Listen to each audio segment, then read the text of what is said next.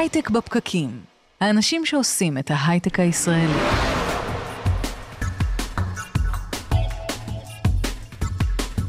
הייטק בפקקים, אחד על אחד, פרק ראשון.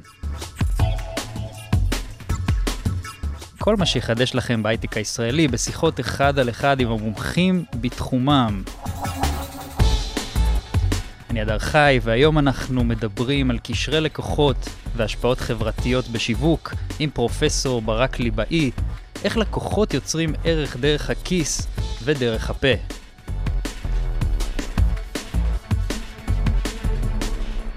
ברק ליבאי הוא מומחה בינלאומי לשיווק, פרופסור מן המניין וראש קבוצת השיווק בבית ספר אריסון למנהל עסקים במרכז הבינתחומי. הוא היה חבר סגל בתחום השיווק בפקולטה להנדסת תעשייה וניהול בטכניון, בפקולטה לניהול באוניברסיטת תל אביב, הוא פרופסור אורח ב-MIT. ברק, אהלן. אהלן.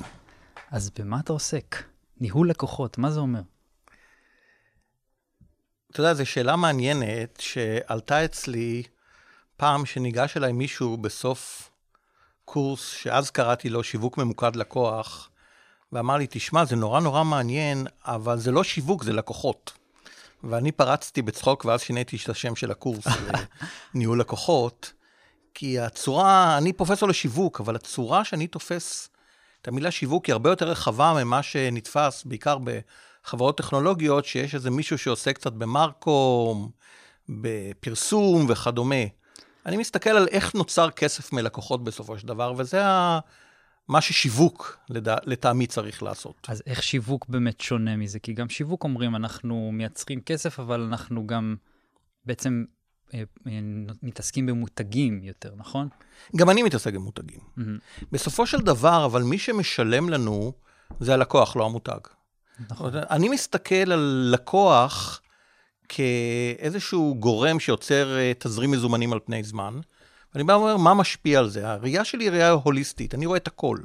אני רואה את המותג, ואת הפרסום, ואת המחיר, ואת הפה לאוזן, ואת השירות, והכל נכנס איכשהו לתזרים מזומנים. זה הכיוון, זה לא שאני המצאתי את התחום, זה הכיוון שבו הולך השיווק המודרני בצורה דרמטית. יש מהפכה שאין לה כמעט מקבילה בתחומים אחרים של מנהל עסקים. פחות או יותר, אם אנחנו מסתכלים אחורה, המימון הוא די פחות או יותר מה שלימדו לפני 30 שנה, והחשבונאות כנ"ל, וגם ניהול כללי ובארגונים. יש שינויים כמובן, אבל הם שינויים אה, יחסית אינקרמנטליים. אצלנו זה מהפכה. זאת אומרת, המהפכה הזאת קורית כי, כי מה? כי מכניסים את העולם הזה של מימון בעצם לעולם של שיווק. חלקית, אבל הייתי אומר, הייתי הולך אחורה להבין מה, מה למה השתנה? היא קורית, מה השתנה. מה, מה קרה? אז הסיפור בגדול הוא טכנולוגיה, שהוא אפשר לנו לעשות את הדברים. אבל אם אתה הולך ממש אחורה, אז חלק מהדברים שהשתנו זה קשה יותר לבדל. Mm-hmm. כשאני אה, הייתי קטן, היה ברור שיש מוצרים יותר טובים מאחרים. היה סוני עם הטלוויזיה שלו וכל השאר. והיה ברור שיש הבדל ביניהם. היום קשה לבדל, המוצרים הרבה יותר דומים, יותר קל לחכות. כמובן שאנשי שיווק עושים את מיטב מאמציהם לבדל, אבל זה קשה. אבל עדיין יש מותג ויש נאמנות למותג. לא? אמת. אבל כמה נאמנות על זה יש ויכוח. Mm. וחלק מהטענות שאני טוען, שממה שבה הקנייה חוזרת, זה לאו דווקא אותה נאמנות שאנשים מדברים עליה. אז ממה כן? למשל מחסמי מעבר, שאליהם mm-hmm. נגיע, אני מניח. אבל שוב, השאלה שלי, אני לא מסתכל על נאמנות, נאמנות מסבירה אצלי בסוף, אני מסתכל על שימור. זאת אומרת, האם הם נשארו או לא. ואם הם נשארו, מי הם אותם אנשים שנשארו? אני שואל, איך נוצר כסף בסופו של דבר? וזאת, וזאת הייתה היסטורית בעיה, כי אנשי שיווק לא הסתכלו על זה. אנשי שיווק דיברו על מותג ועל שביעות רצון ועל כל מיני דברים. באיזשהו שלב נמאס למנכ"לים מהסיפור הזה. כי השיח של מנכ"לים, של דירקטוריונים, הוא שיח של תזרימי מזומנים. ולאנשי שיווק היה קשה להסביר איפה הם בעולם הזה. הם, הם סיפרו כל מיני דברים שהם נכונים, כי באמת המותג בונה, הם צדקו, בונה כסף לאורך זמן וכדומה, אבל הם לא יכלו להראות את זה, כי הם לא דיברו את השפה. והשפה שיכולה להראות את זה, זה השפה של ניהול לקוחות, שבאמת היא מתכתבת עם מימון. אנחנו מסתכלים... בצורה דומה, אם מהוונים את התזרימי מזומנים, רק במקום להסתכל על הערך של מכונה או בניין, אנחנו מסתכלים על הערך של הכוח. הטכנולוגיה הזאת, איך היא עשתה את השינוי? היא למעשה התחילה, הייתי אומר, בשנות ה-80, שנות ה-90, ומה, השינוי הגדול שנעשה, שהתחלנו לעקוב אחרי לקוחות. כי עד אז רוב החברות לא ניהלו את הלקוחות שלהם, בוודאי לא בצורה שאנחנו עושים היום, וכך צץ לו המושג בשנות ה-90 של ה-CRM, ה-Customer Relationship Management. עכשיו, הרבה דגש היה על המערכות מידע, אבל זה לא הסיפור. הסיפור הוא שאפשר היה לעקוב אחרי הדר החי, ולהבין אם הוא ממשיך לקנות או לא ממשיך לקנות. להתאים לו את הדבר הנכון. ולהתאים לו, בדיוק. הסיפור הוא התאמה. Mm-hmm. והסיפור הוא הכרה בהבדל בין לקוחות. אומרת, הדר הוא לא אותו לקוח כמו ברק ליבאי, אנחנו לא נותנים לו בהכרח את אותו מחיר, את אותו פרסום. יש לו הרגלים שונים. יש לו הרגלים שונים, והשאלה שוב, איך כל הדברים האלה מתרגמים למה אני יכול לצפות כתוצאה מהדברים האלה, כמה כסף הדר יביא לנו, ומה המשמעות. יכול להיות שהוא יביא לנו מעט או הרבה כסף, זה לא, לא ברור מה צריך לעשות איתו במקרה כזה. אז איך, איך מנתחים כמה כסף אה, הדר יביא, ובאיזה צורות הדר יביא? אז למעשה, צצו, הייתי אומר, מסוף שנות ה-90 לתוך ה-2000, מודלים של מה שנקרא Customer Lifetime Value. Mm-hmm. ערך חיי לקוח, שהם חלקם די פשוטים, חלקם יותר מורכבים, אבל כולם באים ואומרים, בואו נסתכל בצורה הכי פשוטה, עולה לנו כסף מסוים לרכוש את הדר, הוא מביא לנו כך וכך כסף כל חודש, הסיכוי שהוא יישאר הוא כך וכך. כן, זה common sense, עולה לי להביא אותו ככה, הוא בסוף מביא לי ככה, אז מה... common sense, common sense, אבל רוב האנשים לא עושים את זה. רוב האנשים לא עושים את זה. לא, קשה להם להסתכל לטווח אתה יודע מה, זה, זה מתחבר לי לציטוט שלך שיש לי כאן. יש דור שלם של מנהלי שיווק שלא מבינים את התפקיד שלהם, הם גדלו בעולם הרבה יותר אינטואיטיבי והרבה פחות כמותי, אבל היום שיווק הוא הרבה יותר מבוסס נתונים. בהרבה חברות שיווק זה סוג של פרסום, אבל זו טעות. המטרה של שיווק היא הגדלת נכסיות לקוחות. למה אתה מתכוון? אני אגיד קודם שכשאתה מצטט מתוך כותרת של גלובס, שאחרי זה הטוקבקים עליי היו די שליליים, של כל מיני מלאי שיווק ש... כעסו. אה, די כעסו. אתה הם... יודע, אבל כשאתה מביא משהו חדש אז כועסים. כשהכנסת מישהו, יכול להיות שאתה צריך להיות שמח. אני חושב שהם, אה, טוב מאוד שהם כועסים, הם בבעיה גדולה. אני רואה אותם ואני רואה איך הם, בחלקם יהיו בבעיה להמשיך לשרוד אם הם לא ישתנו. העולם השתנה. עכשיו, הנכסיות לקוחות הזאת, שאני מדבר עליה, היא לטעמי המדד הכי חשוב בפירמה. זה המדד שאנחנו הולכים אליו בעתיד, ואתה גם רואה את זה בכתיבה של המגזר העסקי עכשיו, ב business books וכדומה. מה היא אומרת? היא אומרת, תראו, יש לנו לקוחות שלכל אחד יש lifetime value. חלקם יש לי היום, חלקם אני ארכוש. למעשה הסכום של הלקוחות, הערך המהוון של כל זה, זה מה שהפירמה רוצה להשיג. בשביל זה המנכ"ל קם בבוקר. אם היה מספר אחד שהיה צריך להיות מעל הראש של המנכ"ל בבוקר, זה נכסיות לקוחות. שימו לב, זה, זה נכסיות לקוחות, זה אפילו לא רווח, זה לא retention, זה, לא, זה, זה, זה נכסיות לקוחות. למה? לצורך העניין, דוגמה מאוד, אה, מאוד ברורה זה אמזון, או חברות כאלה שהרווחיות, הרווח שלהם אומנם נמוך, אבל הנכסיות לקוחות מאוד גבוהה. קשה לנתח את אמזון בלי להסתכל על נכסיות לקוחות. האמת היא שלי קשה לנתח שום שוק, בין אם זה B2B או הייטק או אחר, בלי להסתכל בנכסיות לקוחות, כי זה הדבר היחידי שתופס הכל. למשל, אתה מסתכל על אמזון פריים. אז אנשים אומרים, תשמע, אז הם לא מרוויחים על זה. נכון. אבל השאלה מה, איך זה משפיע על נכסיות לקוחות, על האם אפשר להסתכל על זה כ-customer acquisition cost, לעלות רכישה של חלק מהלקוחות, איך זה משאיר אותם. יותר מחצי ממשקי הבית בארצות הברית יש להם אמזון פריים. השאלה הגדולה זה מה קורה לתזרימים. אמזון בשלב, ואני ניתחתי את הרווחיות, נכסיות לקוחות של אמזון בזמנו, אם אנחנו מסתכלים על המודלים הפשוטים של היום, של מה שאמזון היום, המניה נסחרת בהרבה יותר מאשר היא צריכה. Mm-hmm. אבל, לתוך זה צריך להכניס שאמזון, אנחנו רואים איך היא הולכת ומתפשטת ומעלה את ה-lifetime value של הלקוחות שלה. אז תסביר לי רגע, איך, איך הד... נכסיות לקוחות הזאת, המונח הזה, תסביר לי אותו רגע יותר אה, בפועל, איך זה מתבטא. אולי ניקח את אמזון באמת כדוגמה. מה זה? מה זה הנכסיות לקוחות הזאת? ממה זה מורכב? אמ, אמזון יכולה להסתכל על כך וכך הלקוחות שיש לה בעולם, כאוסף של גורמים שלכל אחד יש lifetime value צפוי. Mm-hmm. עכשיו, ה-lifetime value, כרגע אתה מסתכל, אומר למשל על הדר, ו... ואומר, תשמע, הדר קונה אותי אצלי בממוצע ב-100 דולר לשנה, ולכן אני מצפה שבשנים הקרובות אני ארוויח ממנו כך וכך. מישהו כמו הדר, אני יודעת מהעבר שנשאר אצלי כך וכך שנים בממוצע, אני מאבנת את הכל, כבר רכשתי אותו, אז acquisition cost פחות חשוב. אני אוספת את כל ההדרים שיש לי בעולם, זה הנכסיות לקוחות של אמנון, זה מה שהם ממקסמים. אבל זה, זה הדבר הפשוט. ויש ה... עוד הרבה, יש, יש הדר כזה שקונה המון, יש הדר שקונה קצת שונות, פחות. יש... הסיפור הגדול זה שונות, mm. באמת. יש לנו שונות בין ההדרים, וגם הדר עצמו ישתנה, כי אני אמזון, אני יודעת לעשות דברים, זה לא הגיוני כמעט, בהתחשב במה שאני יודעת לעשות, להניח שהדר בעוד שלוש שנים יהיה כמו היום. אני יכולה להסתכל על הטרנד של הדר, למשל, על פני זמן, mm-hmm. ואני יכולה להגיד את הדבר הבא, אני אמזון, עד היום, מחרוץ לי כל מיני גורמים אחרים, אני מתחילה להכניס מותגים פרטיים, שזה מה שהם עושים. Mm-hmm. ואז אני ארוויח יותר. ואז אני אשלוט, ולמעשה אני אוציא יותר ויותר מהדר. כי יש לי כל מיני אה, גם שירותים אחרים. אני הולך, נניח, לפתוח שירות חדש. השאלה שאני אשאל, זה לא האם אני ארוויח על השירות הזה או לא, איך זה משנה לי את הנכסיות לקוחות. למעשה הנכסיות לקוחות אומרת, כל מה שאני עושה, במקום להתעסק במוצר רק, תוריד אותו לרמת הלקוח. ואז הניתוח הוא הרבה יותר עמוק, ומאפשר לנו לנסות להבין מה באמת יהיה. וזה, העולם הולך לקראת הניתוחים האלה. אני חושב שכולנו נהיה שם עוד עשר שנים, או... ובאמת מבחינת ההתפלגות של אותה נכסיות לקוחות, אני מבין שזה מדד בעצם הכי חשוב, זה המדד מספר אחת שחברה צריכה למדוד, הוא אפילו יותר מרווחיות, יותר מריטנשן, יותר מכל דבר אחר. אז איך אני, מתוך המנעד הזה של לקוחות, מחלק את היחס שלי. כי לצורך העניין, מה שקורה בהרבה פעמים בחברות, זה הנושא של uh, customer success, שבעצם לוקחים, ו- ומחלקות customer success מן הסתם נותנים הרבה יותר דגש לאקאונטים כבדים, ונותנים להם שירות מעולה, שעולה יותר, פשוט כי הנכסיות uh, יותר גבוהה. ואיך אני מחלק את הדבר, ומצד שני, יכול להיות שחברות נותנות הנחות למשתמשים חדשים, ומעלה את ה, מה שנקרא, אה, עלות של הרכישה, כי אני רוצה להביא עוד לקוחות חדשים. איך, איך אני מנהל את הדבר הזה, בקיצור? אז קודם כל נסתכל על המנעד. מה שאנחנו רואים בלא מעט שווקים, בעיקר ב-B2B בוודאי, זה שההתפלגות היא לא נורמלית. business to business. business to business. ה-B2B, נניח רוב החברות ה- בעולם ההייטק, הדבר המעניין שאנחנו נוטים לחשוב שכל דבר שאנחנו רואים סביבנו התפלגות נורמלית, כזה פעמון, והוא לא. בהרבה מאוד שווקים ההתפלגות היא יותר דומה למה שאנחנו קוראים לו פרטו. פרטו, 80-20. זה 80-20, או לפעמים זה, דרך אגב, ב, אנחנו רואים... 80-20 התפלג... כמונח. כן, כן, זה, לפעמים זה 20-200, שזה הדבר המעניין. אתה אומר, איך 20-200?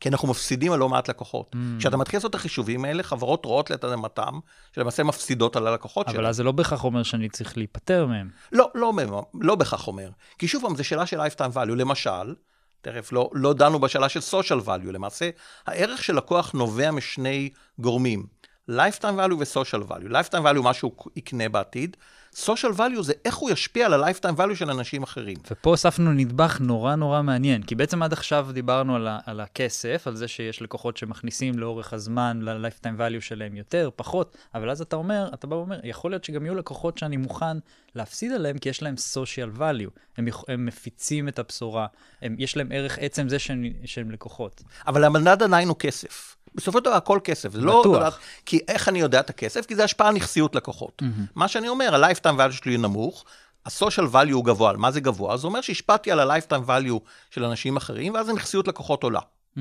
כך שהכל בסופו של דבר זה כסף ונכסיות לקוחות. עכשיו, מה שאנחנו רואים בתוך הנכסיות לקוחות, כשאנחנו מסתכלים על לקוחות שונים, שיש שונות די גדולה. זה דבר ראשון שהוא די ברור. מה לעשות זה שאלה אחרת, דרך אגב. בניגוד למה שאנשים חושבים, זה לא טריוויאלי שנניח את האנשים עם ה-lifetime value הגבוה צריכים לקבל יותר דברים. מה שאנחנו עושים זה למעשה להשפיע על הנכסיות לקוחות כ- כמשווקים, כ- כמנהלים. יכול להיות שלא צריך להשפיע. יכול להיות שדווקא אלו שהם לא הכי טובים, אלא רמה אחת פחות, אני רוצה לפתח אותם, לגרום להם לעלות. זו שאלה טובה. אבל אני תמיד רוצה להשפיע, על נכס... להעלות את נכסיות הלקוחות, זה בסוף המטרה של החברה. אבל יכול להיות שאתה, זה לא יעזור הרבה. בוא נניח שיש לי לקוח שממש אוהב אותי. אני עושה ממש דברים טובים, ואוהב אותי, והוא צריך אותי, ויש לו חסמי מעבר. השאלה אם אני נותן מתנה גדולה לראש השנה. אני, לא, אני לא אומר, יכול להיות שאני גורם לו, יכול להיות שהדרך היא לא לגרום לו לאהוב אותי, אבל להשפיע על נכסיות הלקוחות אני רוצה להשפיע. אני רוצה בוודאי, אבל השאלה היא, איך? יש, יש לי מאמצי שיווק, יש לי תקציב מוגבל נכון. לעסוק בלקוחות.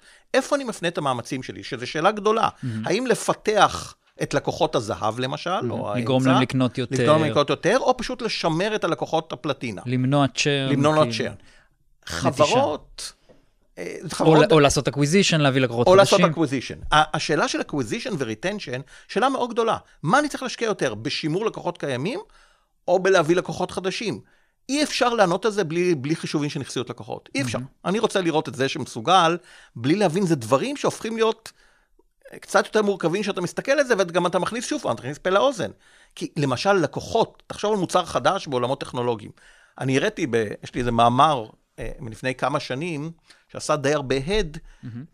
שהראה שבתחילת מחזור חיי החיים של המוצר, הלקוחות הראשונים של המוצר, מביאים יותר כסף מה-social value מאשר ה-lifetime value, בהגדרה כמעט. מדהים. ממש בהתחלה. עכשיו, זה לא בגלל שהם מדברים יותר, דרך אגב, יכול להיות שהם גם מדברים יותר, אלא בעצם עובדה שבהתחלה אתה יוצר את הכדור שלג של המוצר החדש, אתה מביא יותר ערך. עכשיו, מה קורה אם אתה תלך ותמדוד אותם רק על lifetime value, אתה תהרוג את המוצר, תגיד, הוא לא מביא לי מספיק נכון, כסף. נכון. אני חייב אותם בהתחלה. מצד שני, לבוא ולמכור ל-CFO סיפורים, להגיד לו, תשמע, אני צריך אותם, בלי שאתה בא עם איזה שהם מודלים, איזה שהם תובנות עמוקות, הוא יזרוק אותך ובצדק, הוא מבין תזרימי מזומנים, מה אתה מספר לו סיפורים עכשיו? נכון. באמת כל המודלים של, אה, אתה יודע, כל הענקיות טכנולוגיה שנתנו תמיד הכל בחינם, ואז בעצם יצרו איזשהו חסם כניסה כל כך משמעותי ו- ואפקט רשת כזה, שפתאום היו להם מסה של משתמשים, ואז יכלו להדליק את המנוע של הכסף, זה דבר שלקח זמן. ובהתחלה באמת הדבר היה נראה כמו עסק מאוד לא כלכלי, אבל הם יצרו בעצם את, אותו, את אותה נכסיות, את אותו social value. הייתי רוצה לראות, לחשוב רגע על איזושהי דוגמה. אתה אומר שהדברים האלה הם בעצם... אתה צריך לנתח ו- ולקחת החלטות בצורה אה, המתאימה לארגון. אז בואו אולי ננסה לעשות איזושהי אה, סימולציה אה, ולראות איך אנחנו בעצם, איפה יכול להיות יותר נכון להקדיש משאבים, למשל, בארגון אוקיי. מסוים. אתה רוצה לבחור ארגון ושאני אגיב? בואו ננסה, בואו ננסה ללכת על, טוב, דיברנו כבר על אמזון, אז בואו ננסה ללכת על מייקרוסופט. מייקרוסופט. אוקיי, אז מייקרוסופט, עם... דרך אגב, מייקרוסופט חושבת הרבה, אני בטוח, על הנושא. כל החברות הגדולות, הגוגלים של העולם, המייקרוסופט וכדומה, זה להם, כ- למה הם כאלה גם. זה למה הם כאלה, בין השאר. הן חושבות customer equity. חלקם, גם חלק מהמנהלים, גם אם לא משתמשים במודלים, חושבים בצורה הזאת, אבל אני, היום הם כבר חושבות גם במודלים. הם, הם, אחד הדברים שאני רואה, שאני מדבר עם חברות יותר קטנות, גם הארץ אומרים, תעזוב, זה אקדמי, מגדל שן. המגדל שן האקדמי הורג אותך, כי הן מבינות את המגדל שן, הן קוראות את המאמרים שלנו, הן מבינות, מתכתבות איתם, והן, חושבות על הדברים. מייקרוסופט למשל, אם אתה תחשוב שהיא מוציאה מוצר חדש, היא, היא צריכה לחשוב בין השאר על כמה היא משאירה לקוח. היא חושבת הרבה מאוד על churn, היא חושבת על כמה לקוחות היא מבין, מביאה, היא חושבת על האפקט רשת שאתה דיברת עליו, שלמעשה מה שהוא עושה, אפקט רשת זה, אפקט רשת נוצר כאשר התועלת שלי במוצר גדולה ככל שיש אותו לאחרים. מייקרוסופט הייתה אומנית בדבר הזה. נכון. בין השאר שהיא הצליחה בגרסאות הראשונות של דוס ווינדוס, לדאוג לך שלא יהיה שיהיה קומפטביליות. בכל מחשב גם. לא, לא רק שיהיה בכל מחשב, שכל מי... הרי ניסו ליצור, נניח, היה סטאר אופיס או, או מוצרים אחרים, היו נורא דומים ובחינם, בכל זאת כולם משתמשים במייקרוסופט. Mm-hmm. למה? כי יצרה אפקט רשת, זה לא באמת יהיה קומפטבילית. אז היא חושבת, חלק מהדברים שהיא נתנה גם בחינם לאורך השנים, נבעו מהסתכלות על נכסיות לקוחות. היא אמרה, תשמעו, לא שווה לי לקחת כסף עכשיו בשעה שאני יכולה להרוויח בצורות אחרות. גם כשאתה נותן לסטודנטים, נניח בבין-תחומי, אתה נותן להם מוצרים של מייקרוסופט בעשרה דולר לחמישה מוצרים, הרי הם לא מרוויחה על זה. נכון. אבל היא עושה חישוב lifetime value, הוא יתרגל למוצרים שלי, הוא יצא לשוק, הוא יעבוד. הוא ירצה לעבוד, ואז הוא כשהוא יעבוד לעבוד. בחברה, הוא יצטרך את הוא המוצרים יצטרך של את המוצרים מייקרוסופט. האלה, אתה יוצר הרגל. למעשה, אחד הדברים, שבין- חשיבה מדהימה לטווח מאוד ארוך גם. מי שמצ... אני רוצה לספר לך על ג'ף בזוס, אם נחזור לאמזון. ואני קראתי את זה לא מזמן, אני לא, לא ידעתי את זה. אני אה, תמיד לא שאלתי את עצמי אף פעם, למה ספרים? למה הוא התחיל דווקא בספרים? נראה לי הגיוני שהוא התחיל בספרים, ומשם הוא מתפשט לדברים אחרים. ומסתבר שכבר ב-1995, שהוא נשאל על הדבר, הוא אמר, תראו, אני מבין את האינטרנט, אני חושב שאנשים יקנו בעתיד באינטרנט. אבל בשביל שאני אצטרך, אוכל למכור להם, אני אצטרך לדעת הרבה עליהם וליצור קשר איתם. אני רוצה את האנשים המתאימים, אני רוצה את האנשים עם ה-lifetime value הגבוה, או לא, יש להם מושג, והאנשים האלה קוראים ספרים. ולכן אני אמכור להם ספרים, אני לא ארוויח בהתחלה, בהכרח, אבל דרך הספרים אני לאסוף עליהם מידע, ואחר כך אני ארוויח דרך המוצרים האחרים. בדיוק מה שהיה 1995, לפני הרבה שנים, לפני שחשבנו, לפני שצצו המונחים האלה כמעט במידה רבה, אבל הוא הבין את זה באופן אינטואיטיבי. זה אחד הדברים החשובים בהקשר הזה, שהוא עושה את זה, זה לא טריוויאלי, זה הסתכלות על העתיד. זאת אומרת, תחשוב על ההבדל, ההבדל הוא שרוב המנהלים מנהלים לקווטר הבא, לשנה הבאה, כי בין השאר זה מערכת התמריצים שלהם. הוא אומר, תשמע, מה אתה רוצה ממני עכשיו, אני אדבר על lifetime value?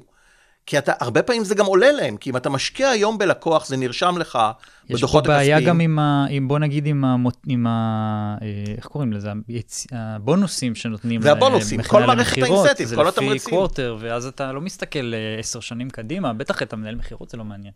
ה... יש לי קולגה מדיוק שפעם כתב מאמר בהרווארד Business Review, שהכותרת שלו הייתה, אם מותגים אומרים שהם מנוהלים קדימה כל כך הרבה, למה הם תמיד מודדים את עצמם ל quarter האחרון? שזה, ברגע, איך שאתה מודד, ככה הפירמה תיראה. יש בעיה עם אינסנטיבים היום של... אה, בעיה מאוד גדולה.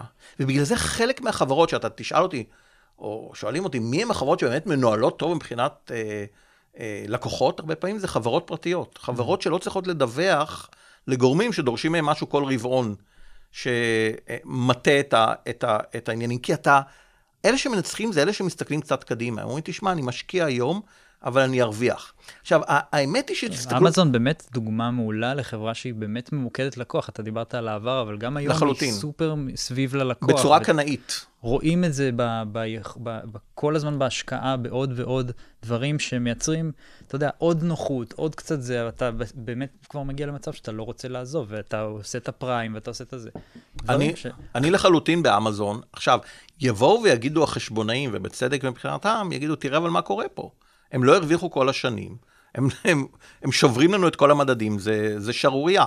מה שקרה, אמזון, המזל שלה, שג'ף בזוס הצליח לשכנע את המשקיעים, ששווה לתת לו למעשה הלוואה גדולה, שזה ההשקעות בו, בשביל איזשהו רווח עתידי שכרגע הם לא מקבלים. כי הוא את כל הכסף שלו השקיע בהעמקה של הקשרי לקוחות. Mm-hmm. והם נמצאים, מאוחר יותר הוא התחיל להרוויח יותר מהענן, מהשירותים גם, שזה גם, היה לו כבר את הכוח אבל בהסתכלות ארוכת טווח, אני חושב שהוא עשה את הדבר הנכון. הוא, הוא, טוב.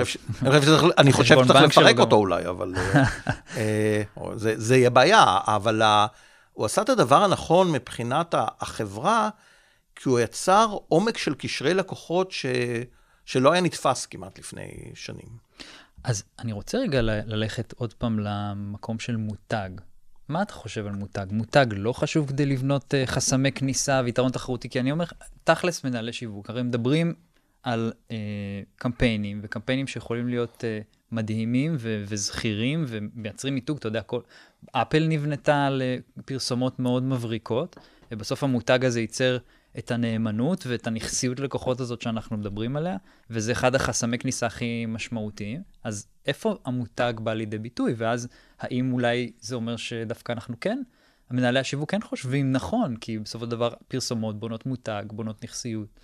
מותגים זה דבר מאוד חשוב. אני בוודאי לא אגיד, בתור זה שהכניס את הקורס של ניהול מותגים גם לאוניברסיטת תל אביב וגם לבינתחומי ב-MBA.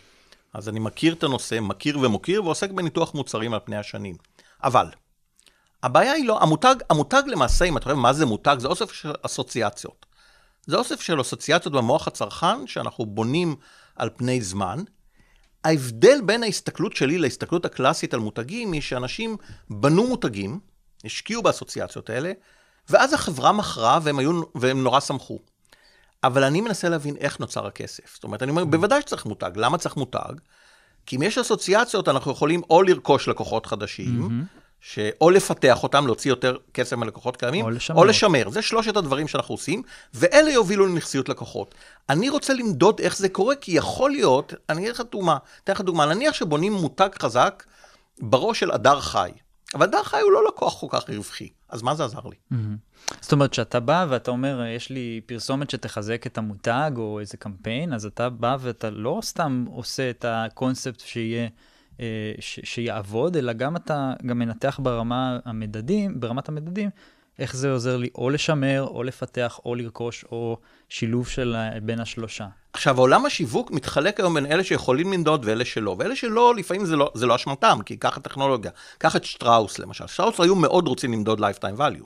אבל קשה להם, כי אין להם גישה כרגע. אבל זה נורא קשה למדוד מותג. איך אתה מודד מותג? זה לא, זה אז רגע, אז תראה, השאלה אם העניין זה לא מותג, אלא מה יוצא. mm-hmm. עושה דברים, תמיד אתה משפיע על רכישה ושימור ופיתוח, ונוצר נקסיות לקוחות, השאלה אם אתה יכול למדוד את זה או לא. Mm-hmm. נניח ששטראוס משקיעה במותג מילקי, הנה דוגמה למשהו, השקעה נהדרת בסרטונים נהדרים ו- ופרסומות. נכון.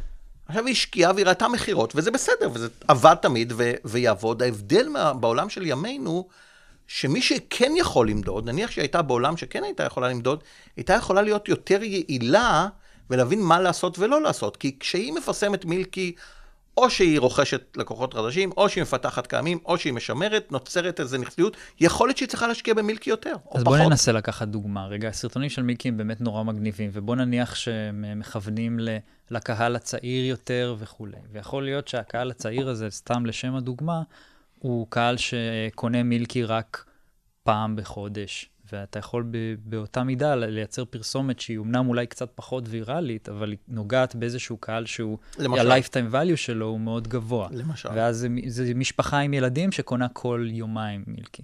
ואז את הניתוח הזה אפשר לעשות ובעצם לייצר את הפרסומת האומנם פחות ויראלית, אבל הרבה יותר, בוא נגיד, מגדילה את נכסיות הלקוחות. סתם כ, כאיזושהי בוא, דוגמה. בוא ניקח דוגמה אחרת, שזו דוגמה טובה, את פפר.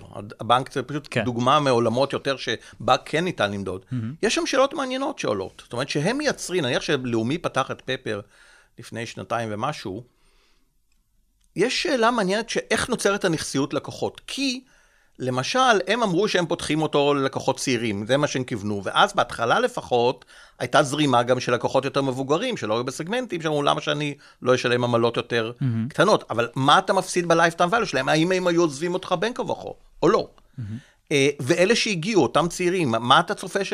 עד כמה אתה צופה שישארו אצלך? האם שווה לך באמת לתת את כל ההטבות האלה מבחינת ההשפעה על ה-lifetime value? עשית, האם אתה רואה את זה כ-customer acquisition, בשביל אחרי זה להשאיר אותם בחשבונות הקלאסיים, או שאתה אומר שאתה יודע מה, אחרת אני מפסיד אותם.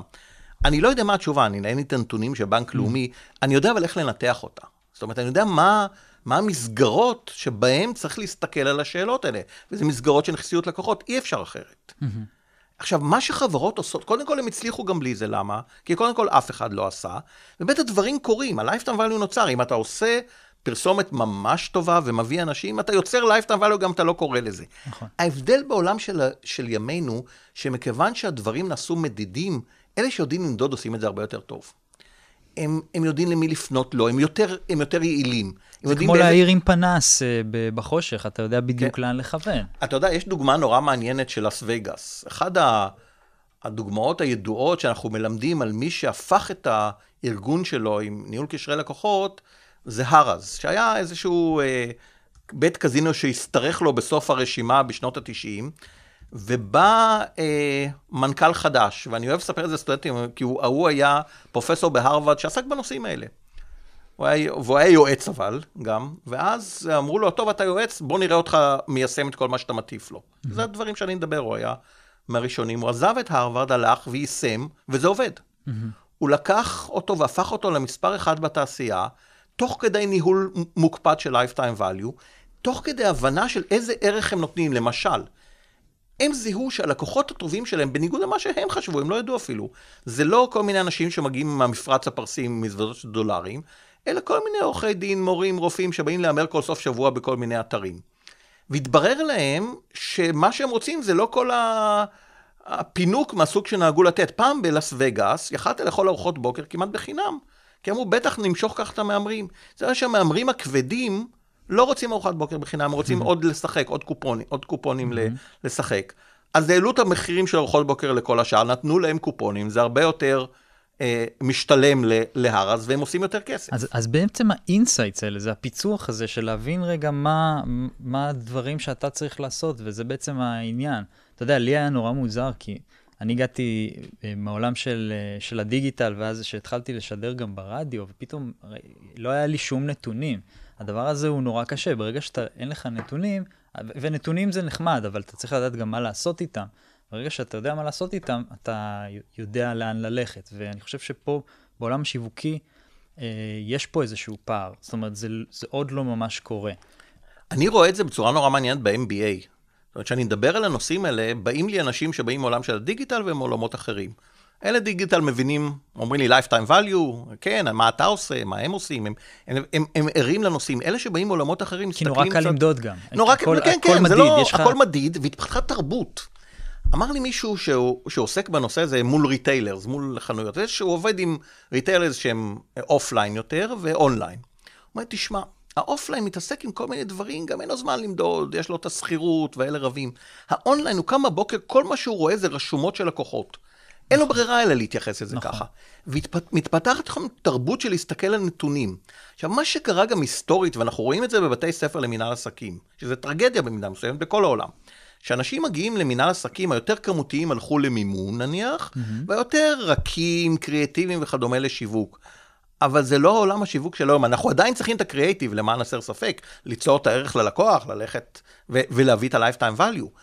אבל הסיפור של המנצחים זה אלה שמשתמשים בנתונים, וקורה דבר שילוב, מעניין. שילוב של השניים. אני רואה הרבה מאוד אנליסטים שיווקיים שבכלל לא מגיעים משיווק, הם למדו קודם אימון, כלכלה, אבל למעשה הם עובדים כי רוצים אנשים שמסתכלים על נתונים. אבל איפה האינטואיציה כאן? אתה יודע, לצורך העניין, אני יכול לתת את הדוגמה של אה, סטיב ג'ובס, שאמר, הנה, כולם אומרים שהם רוצים משהו אחד, אבל הנה, אני יודע שהם רוצים את זה, והביא אה, את ה... והמציא את האייפון. איפה האינטואיציה בכל הדבר הזה? הרבה פעמים אתה חושב על משהו ש... והיצירתיות באה לידי ביטוי, ומשהו שקשה לך נורא לראות במספרים, ואם אתה נצמד נורא למספרים, הרבה פעמים אתה עלול לכבות את הצד היצירתי שלך שחושב נורא מחוץ לקופסה, ועושה דברים שהם קמפיינים אה, אה, של מילקי עם עומר אדם, או לא משנה, עם רועי כפרי. אני חושב שאיש שיווק טוב צריך להיות חצי מדען וחצי אמן, כמו שחכמים ממני אמרו. ו- אבל הוא צריך להיות גם מדען, זה העניין. אני לא אומר, הבעיה היא שהם כולם הסתתרו מאחורי האמן כדי להסביר למה הם לא יכולים למדוד. אני לא אומר שלא צריך, אני, אני לא אומר שדרך הנתונים בהכרח אתה יוצר את המוצר החדש או את הדבר היצירתי, אבל אתה מבין, אתה יכול לבדוק אם זה עובד או לא, במידה רבה, בכלים, אתה יודע, כמו A-B testing, אם תחשוב כן. על זה, שעושים הרבה בעולמות הדיגיטליים, כי זה A-B נוח להם. testing, שתי גרסאות ש- של אותו דבר, שאנשים אפילו לא יודעים שהם מנותבים לגרסאות שונות, ואז בסוף מודדים בצורה סטטיסטית איזה גרסה עבדה יותר. ואפשר לעשות גם כמובן יותר משתי גרסאות, אבל ברגע שאתה עובר לעולם של ניסויים, ואני נורא מאמין בניסויים, אז יש עולם שלם של איך מתכננים ניסוי. שזה העולם שאצלנו זה העולם האנשים היותר התנהגותיים בעולם האקדמי בשיווק, שבאים מפסיכולוגיה וכדומה. Mm-hmm. צריך לדעת לתכנן ניסויים. עד כמה אנשים שגדלו בעולם הקלאסי של השיווק יודעים לתכנן ניסויים? פחות מתעסקים בסטטיסטיקה באופן כללי, לא פחות מבינים את העולמות האלה, נכון, אבל אני חושב שדווקא האנשים הדיגיטליים מאוד מבינים. אה, כי התפתחה תרבות. אתה יודע שאני למדתי, אני למדתי תואר ראשון בטכניון בהנדסת תעשייה וניהול. ואני הייתי בטוח שהסיבה היחידה שאני לומד סטטיסטיקה, זה בגלל שיש מרצים לסטטיסטיקה שאין מה לעשות איתם. אז שמים אותם מולי. ואני אומר היום לסטודנטים, אתם לא מבינים, זה נושא נורא חשוב, זה הופך להיות ה- הלב של העניין, כי אנחנו מתבססים על נתונים, וחלקם יהיו יותר מ machine learning, מכל מיני בינה מלאכותית, אבל עדיין תצטרך להסתכל על זה. אתה לא בהכרח תכתוב את התוכנות או תעשה, זה, אני לא מדבר על דברים מאוד תתבסס עמוקים. על נתונים, אבל בכל- איזושהי אינטואיציה להסתכל על נתונים, להבין מה זה התפלגות. להבין שאתה חי בעולם של אי-ודאות, שאתה חושב שה-lifetime value הוא ככה. הוא ככה, אבל אתה כל הזמן צריך לעדכן אותו. נכון. אתה לא יכול ל- להסתמך יותר על היפותזות ועל תחושות בטן שלך או של המנהל שלך, אתה חייב לראות את הנתונים בשטח ולעסוק. עכשיו, יש גם איזושהי, אני חושב שזה יוצר איזושהי בעיה, כי הרבה פעמים יש איזושהי מתיחות בין מנהלי שיווק לבין המנכ"לים שלהם, לבין המנהלים שלהם. הרבה פעמים, אה, בייחוד המנכ"לים שהם מאוד אנליטיים, מאוד רוצים לראות נתונים, ואז המנהל שיווק בא ומבקש תקציב, או מנהל או מנהלת, והוא לא מצליח אה, להוציא את זה, כי, ה- כי המנכ"ל לא אומר, תראה לי מספרים. הוא אומר לי, לא יודע להראות לך מספרים, זה שיווק. אתה יודע, אני, אני בעצמי נתקלתי הרבה בסיטואציה הזאת גם מהצד של מנהל השיווק, זאת אומרת, זה נורא קשה הרבה פעמים להראות אה, מדדים. אז השאלה היא איך באים למנכ"ל ו- ומראים לו את הדברים האלה בצורה טובה, שלא יהיה סיפורים, שלא תגיד לו, כן. אז אני חושב, קודם כל, באמת צריך מדדים של תזרימי מזומנים, ולשים את ההנחות על השולחן. להגיד, תשמע, זה מה שאני יודע היום, הנחה שלי היא ככה וככה וככה וכך, זה מוביל אותי לנכסיות לקוחות כזאת וכזאת אם נעשה. ת, אם יש לך, אתה, המנכ"ל או מישהו אחר, יש לכם הנחות אחרות, תגידו. אבל לתרגם, לא לבוא ולהגיד, תשמע, אנחנו חייבים את זה למותג. עכשיו, הבעיה זאת אומרת, בדבר הזה... להתבסס על אסמפשנס קונקרטיים, להכניס את זה אפילו לאיזה אקסל, כן, ולהראות אמת. בדיוק, הנה, אנחנו משפיעים ככה על השימור, ככה מורידים את הצ'רן, ככה אנחנו מגדילים את ה acquisition. יש אפילו היום יותר מאקסל, יש כלים כמו Crystal Ball של אורקל למשל, שעל האקסל מכניסים אי ודאות. ואז הם אומרים, תשמע, הם מכניסים, מריצים כזה, זה נורא פשוט וידידותי ונחמד, ו- ו- ואתה למעשה אומר, תשמע, אני לא יודע מה ה-lifetime value, אני יודע מה הסיכוי שהוא יהיה. אני, אני חושב שהמחיר שאני אוכל לקחת הוא בין 8 ל-15, והתפלגות כזאת. אתה יכול גם להתבסס על נתוני עבר. כן, כן, אתה מתבסס על נתוני העבר, ואתה, אבל זה מה שאני יודע היום. ואז אני רואה איזושהי אי-ודאות, וזה הסיפור. אנחנו כולנו כמנהלים מנהלי אי-ודאות. אלא מה? אנחנו לא רגילים לעשות את זה בלקוחות. ברור לנו עם מוצר שאנחנו עכשיו עובדים עליו שלוש שנים ב-R&D, משקיעים 20 מיליון דולר, להיכנס לתוך שוק עוד שלוש שנים שאני לא יודע איך הוא אה, ייראה, אבל זה סביר להשקיע ב-R&D. מה, לא נשקיע ב-R&D? אבל ברגע שזה עובר ללקוחות, פתאום אנשים מתקפים חולשה. וגם פה, אני לא יודע, יש לי שורה של לקוחות, יש לי הנחות, אני לא יודע, אני גם כשאני מגייס עובד חדש, אני לא יודע. זה גם אי-ודאות. Mm-hmm. צריך לשים את זה. צריך ולב... לנהל אותה, אבל צריך כן, לדעת כן, לפחות שיש, אותה, נכון. שיש את המספרים ויש את הסיכויים שזה, כן. ברגע שאתה יכול להסתכל על ההנחות שלך ולתקוף אותם ולהגיד, זה יהיה ככה, זה יהיה ככה, הרבה יותר קל גם אמת. למי שמקצה את התקציב בעצם. אה, לתת אותו. והבעיה היא שבמידה רבה גם לא לימדנו ככה. אם אתה מסתכל, גם בעולם, דרך אגב, היום, ברוב בתי הספר, הקורס הבסיסי בשיווק לא מדבר יותר מדי על הדברים האלה. בחלקם אני גם עסקתי, בזמנו הכנסתי קורס כזה ל-MIT, ל-Sloan School of Management, כקורס בחירה, עדיין חלק ניכר מהמרצים גדלו בעולמות, שזה לא היה כל כך רחוק אחורה, השונים, שיש לי מותג, נשים אותו בשוק ויהיה בסדר. נכון, אני חושב שזה עוד לא משהו שנכנס עד הסוף לאקדמיה, ממש לא. לא בצורה שהיה צריך, מבחינה זאת הפרקטיקה, החברות הגדולות בוודאי, הרבה יותר שם. אה, אה, איפה שזה קרה בצורה נורא מעניינת, זה מה שנקרא SAS, Software as a Service. Mm-hmm. זה אנשי IT שהיו אחרונים בלדבר על לקוחות, הם היו ממש אנשי מוצר קלאסיים, וברגע שהם התחילו לעסוק בזה, הכלים והחשיבה הכי מעניינת היום, ה-Lifetime value באה מהם. הם כל הזמן עוסקים בשאלות האלה, שאנחנו מדברים עליהן, נכסיות ו-Lifetime value, ומה עושים, ויש שם דיונים מאוד מעניינים בתעשייה, בין חברות הייעוץ. מדהים. אה, אני רוצה לדבר על עוד ציטוט שלך. הקשר עם רוב המוצרים שאנחנו צורכים הוא הרבה פחות רומנטי. הכוח שלהם נגזר מהמיקום שלהם על המדף או מעלויות מעבר. ואנחנו מכירים את הנושא של אה, חוויית לקוח שמדברים עליו הרבה, והוא נורא, הוא נושא שסקסי לדבר עליו, הוא גם מאוד מעניין. אה, איפה אתה, איך אתה תופס את זה?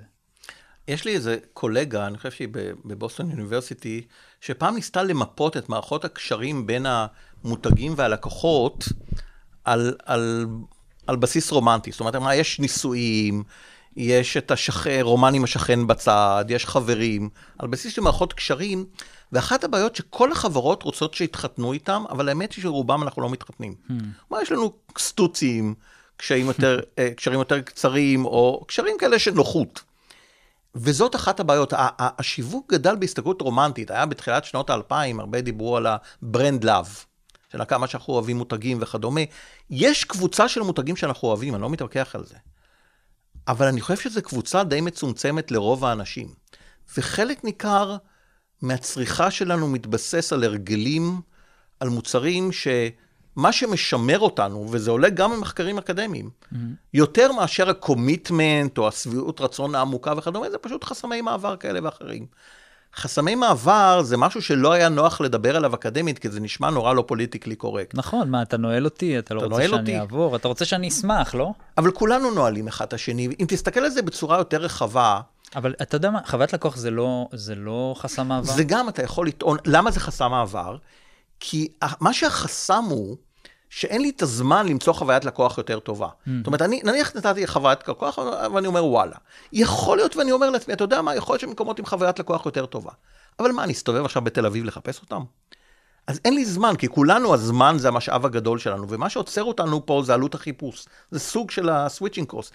אני מאמין במידה רבה, שחברות שיודעות לנהל לקוחות ועושות את זה בצורה טובה, הלקוח למעשה אומר לעצמו בלב, גם אם הוא לא אומר את זה באופן רשמי, הוא אומר, מה אני אלך לחפש מישהו אחר, הם לא מכירים אותי. Mm-hmm. זה חסם מעבר.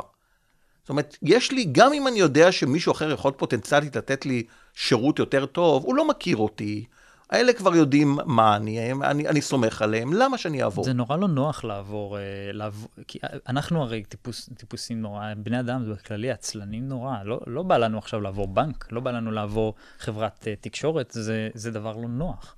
אז המחקרים על הנושא מראים שני דברים. א', שאנשים... לא מעריכים בצורה נכונה את ה switching cost שהם הולכים להיכנס אליהם. זאת אומרת, הם לא מבינים, הם מעריכים את זה לחסר, הם לא חושבים. ב', שמספיק... אם אני רוצה, אני עובר, זה נורא קל. כן, אם אני רוצה, אני עובר. הם לא מבינים שזה לא קורה. הדבר השני, שהם מספיקים switching cost די קטנים בשביל להשאיר אותם. זאת אומרת, הרבה יותר קטנים ממה שכלכלנים אולי ינבאו. Mm-hmm. זאת אומרת, שווה לי לעבור. לפעמים אני עושה סקרים בכיתה, כמה אתה משלם על האינטרנט, כמה אתה משלם, ויש שם שונות אדירה. ואני אומר למישהו, תשמע, אתה רואה מישהו משלם חצי ממך, לא שווה לך לבדוק? הוא אומר, תשמע, תשמע, אין לי זמן לזה. וזה חלק מהעניין, בעולם של ימינו, לאנשים אין זמן. הם לא רוצים להקדיש את הזמן לזה. עכשיו, ואנחנו, וקורה תופעה שהיא לא בהכרח מאוד חיובית, החברות הגדולות, למשל הטכנולוגיות, החברות שעובדות באינטרנט, יודעות איך ליצוק אצלך את החסמי מעבר. מי שלא מאמין לי, יש ספר בשם הוקט. של ניר אייל, כן. שהוא ישראלי, אה, אני חושב, בא ממשפחה ישראלית. ש... טוב, הוא יוצר אצלו, הוא מספר על יצירת הרגל פסיכולוגי של ממש... הם יוצרים את זה, הם למעשה יוצרים חסמי מעבר באינטרנט. ממש כמו שפייסבוק נועלת אותנו בצורה פסיכולוגית. עכשיו הוא מוציא ספר לאיך להתמודד עם זה מהצד של הצרכן. כן. אבל זה לא רק הוא, יש את ה-Irresistible של, אה, של כן, קולגה שלי כן, כן. מ-NYU ואחרים, זה, ויש בישראל ספר מצוין, קוד סמוי, של אה, דוקטור יובל דרור.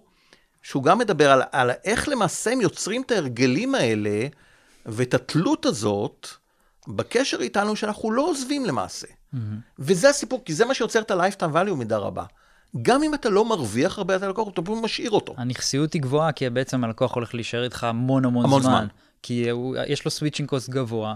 ואז... הרבה פעמים גם אין לו כן. אלטרנטיבות יותר מדי. וחלק מהבעיה זה אלטרנטיבות. אנשים תופסים שאלטרנטיבות לא הרבה יותר טובות, ככל שיש פחות תחרות גם, שזה לצערי מה שקורה בלא מעט תחומים. אצל חברות הטכנולוגיה זה בכלל אה, קורה. אז למה לעבור? מה, השני, תראה, אחד הדברים המעניינים, שהיה את המשבר, אם אתה זוכר, של דלתא, עם אותו אחד שהם גררו בצעקות מהמטוס כן, האסייתי. כן, זה היה, איך קוראים להם? אה, לא, לא זוכר, לא חושב שזה היה דלתא.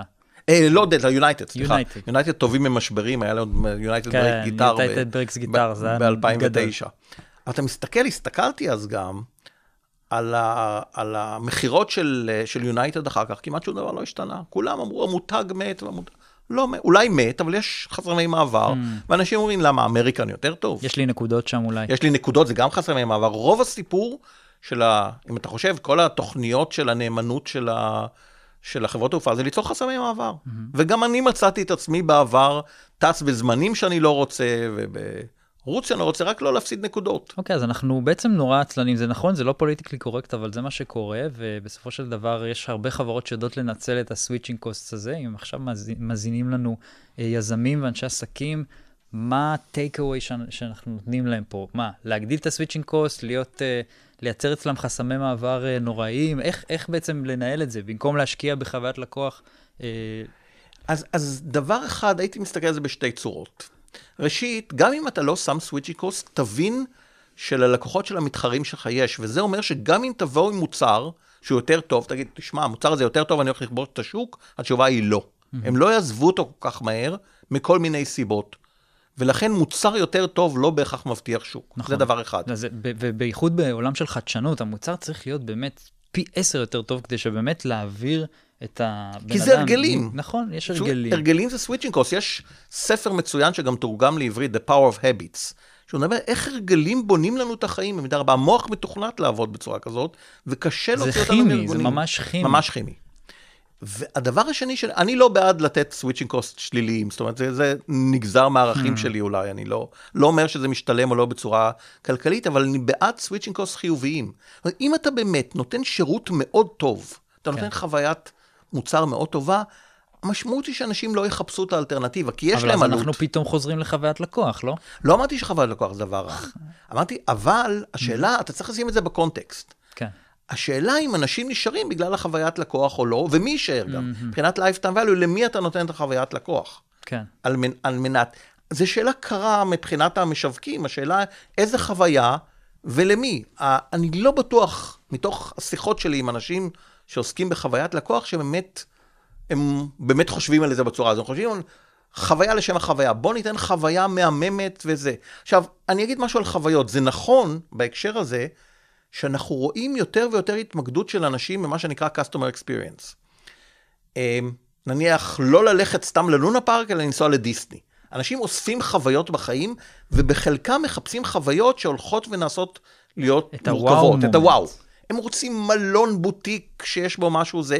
מה שמסתבר שהם מוכנים לחסוך בדברים האחרים. Mm-hmm. תחשוב על קפה אפילו. תחשוב על, על קפה, דבר שאתה יכול לחשוב על פולי קפה ש, שמספיקים לעשות כוס קפה, אז נניח בשוק ה commodities הם עולים שני סנט. אבל זה... אז יש לנו את נספרסו שפתאום לוקחת אבל... שקל לקפסולה. רגע, אבל לפני זה עוד, יש לנו לפני נספרסו, תחשוב, יש לנו את השני סנט ב commodities. בוא נניח שב... אמ, שבסופרמרקט, כשאתה קונה את הקפה, זה עולה כבר עשרה סנט. Mm-hmm. במקדונלד, שזה שירות, קודם זה היה מוצר בסופרמרקט, עכשיו שירות במקדונלד יעלה דולר, אבל לא תהיה לך בעיה לשלם עשרה דולר אם אתה יושב בפיאצה בוונציה ומסתכל על הנוף ושותה את הקפה. זאת אומרת, זו השאלה שבאיזה קונטקסט, ואנשים רוצים את החוויות, הם מוכנים, הם ילכו בסופרמרקט ו, ויתקמצנו ויקנו את הזה כדי לחסוך כסף כדי לקנות בפיאצה. נספרסו מנסה לעבור לכיוון החוויה. היא מנסה ליצור את כל הדבר הזה שאתה עושה את הקפה, ואתה מרגיש יאפי עם עצמך וכדומה, להגיד, זה לא רק הקפה, זה יותר מזה, וזה עובד לא רע. עכשיו, אני, אני אומר שוב, הדברים שאני אומר לא מתנגשים עם השיווק הקלאסי. לא אומר שעשו דברים שהם לא נכונים בחלקם, אבל לא בהכרח במקום הנכון ובזמן הנכון ועם האנשים הנכונים. אולי לא מדדו אותם בצורה. כי לא מדדו, כי אף אחד לא מדד, אז הכל היה בסדר. Mm-hmm. ברגע שהמתחרים שלך מתחילים למדוד, באים לך כל מיני כאלה גוגלים ואחרים שמודדים, ואתה לא מבין מאיפה הם אוכלים אותך. כן.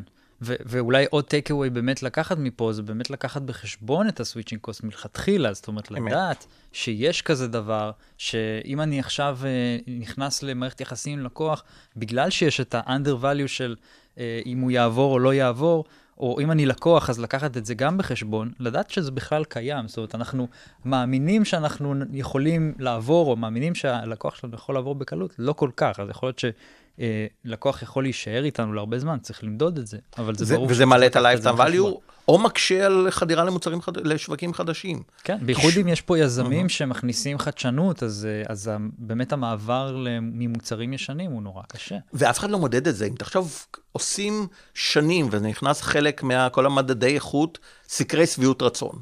אבל אף אחד לא עושה סקר חסמי מעבר. נכון. של להבין מה באמת החסמי מעבר בשוק, למה הם מה, מה עולה להם לעבור? מה הם מוכנים או לא מוכנים? זה איזה משהו ששוב, לא נעים אולי לדבר עליו, או כן נעים, או לא יודע, אבל לא עושים. זה לא טריוויאלי ולא נעים לדבר עליו, וכולם אה, מדברים על הנושא של הצביעות רצון של השביעות רצון קומית, זה, זה לא רק סקסי, אתה גם מרגיש טוב עם עצמך. כן. אני בא משהו שנותן ערך, למה לדבר על דברים שליליים?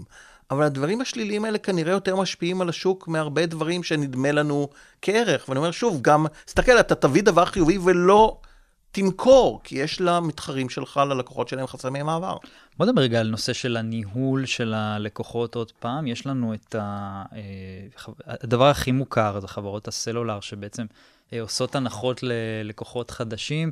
בעצם הן אה, רוצות להביא, לייצר acquisition, נכון? ובעצם בזה שהן מורידות, ואז אתה בעצם אומר, אוקיי, זה כבר שווה לי לעבור מפלאפון לפרטנר, או מפרטנר לסלקום, או לא משנה מה.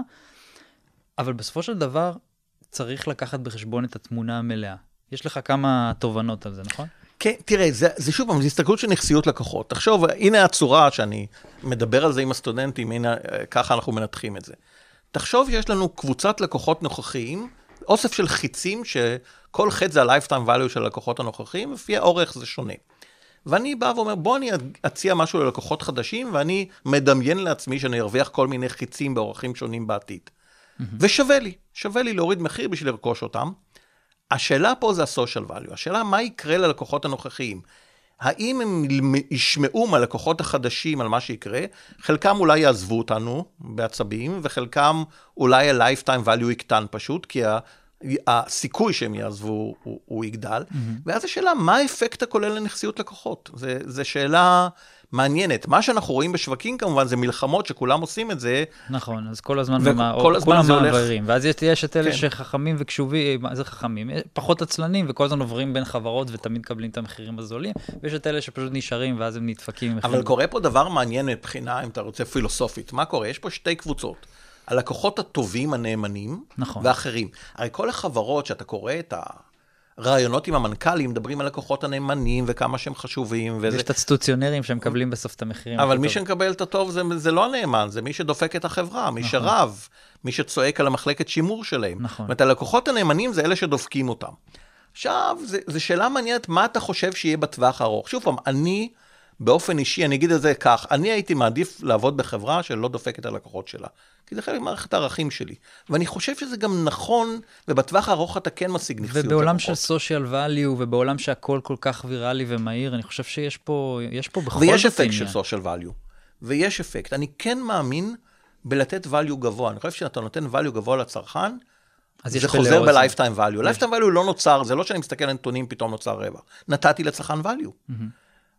אבל השאלה היא, אני יכול לעשות את זה בצורה יותר חכמה, בצורה הנכונה, לאנשים הנכונים, ולמדוד את זה, ולהבין איזה value, ולפעמים להצדיק. חלק מהעניין שאני אומר, להפך, צריך לתת יותר value, mm-hmm. צריך לתת שירות יותר טוב, כי לא לתת שירות טוב יש עלויות כספיות.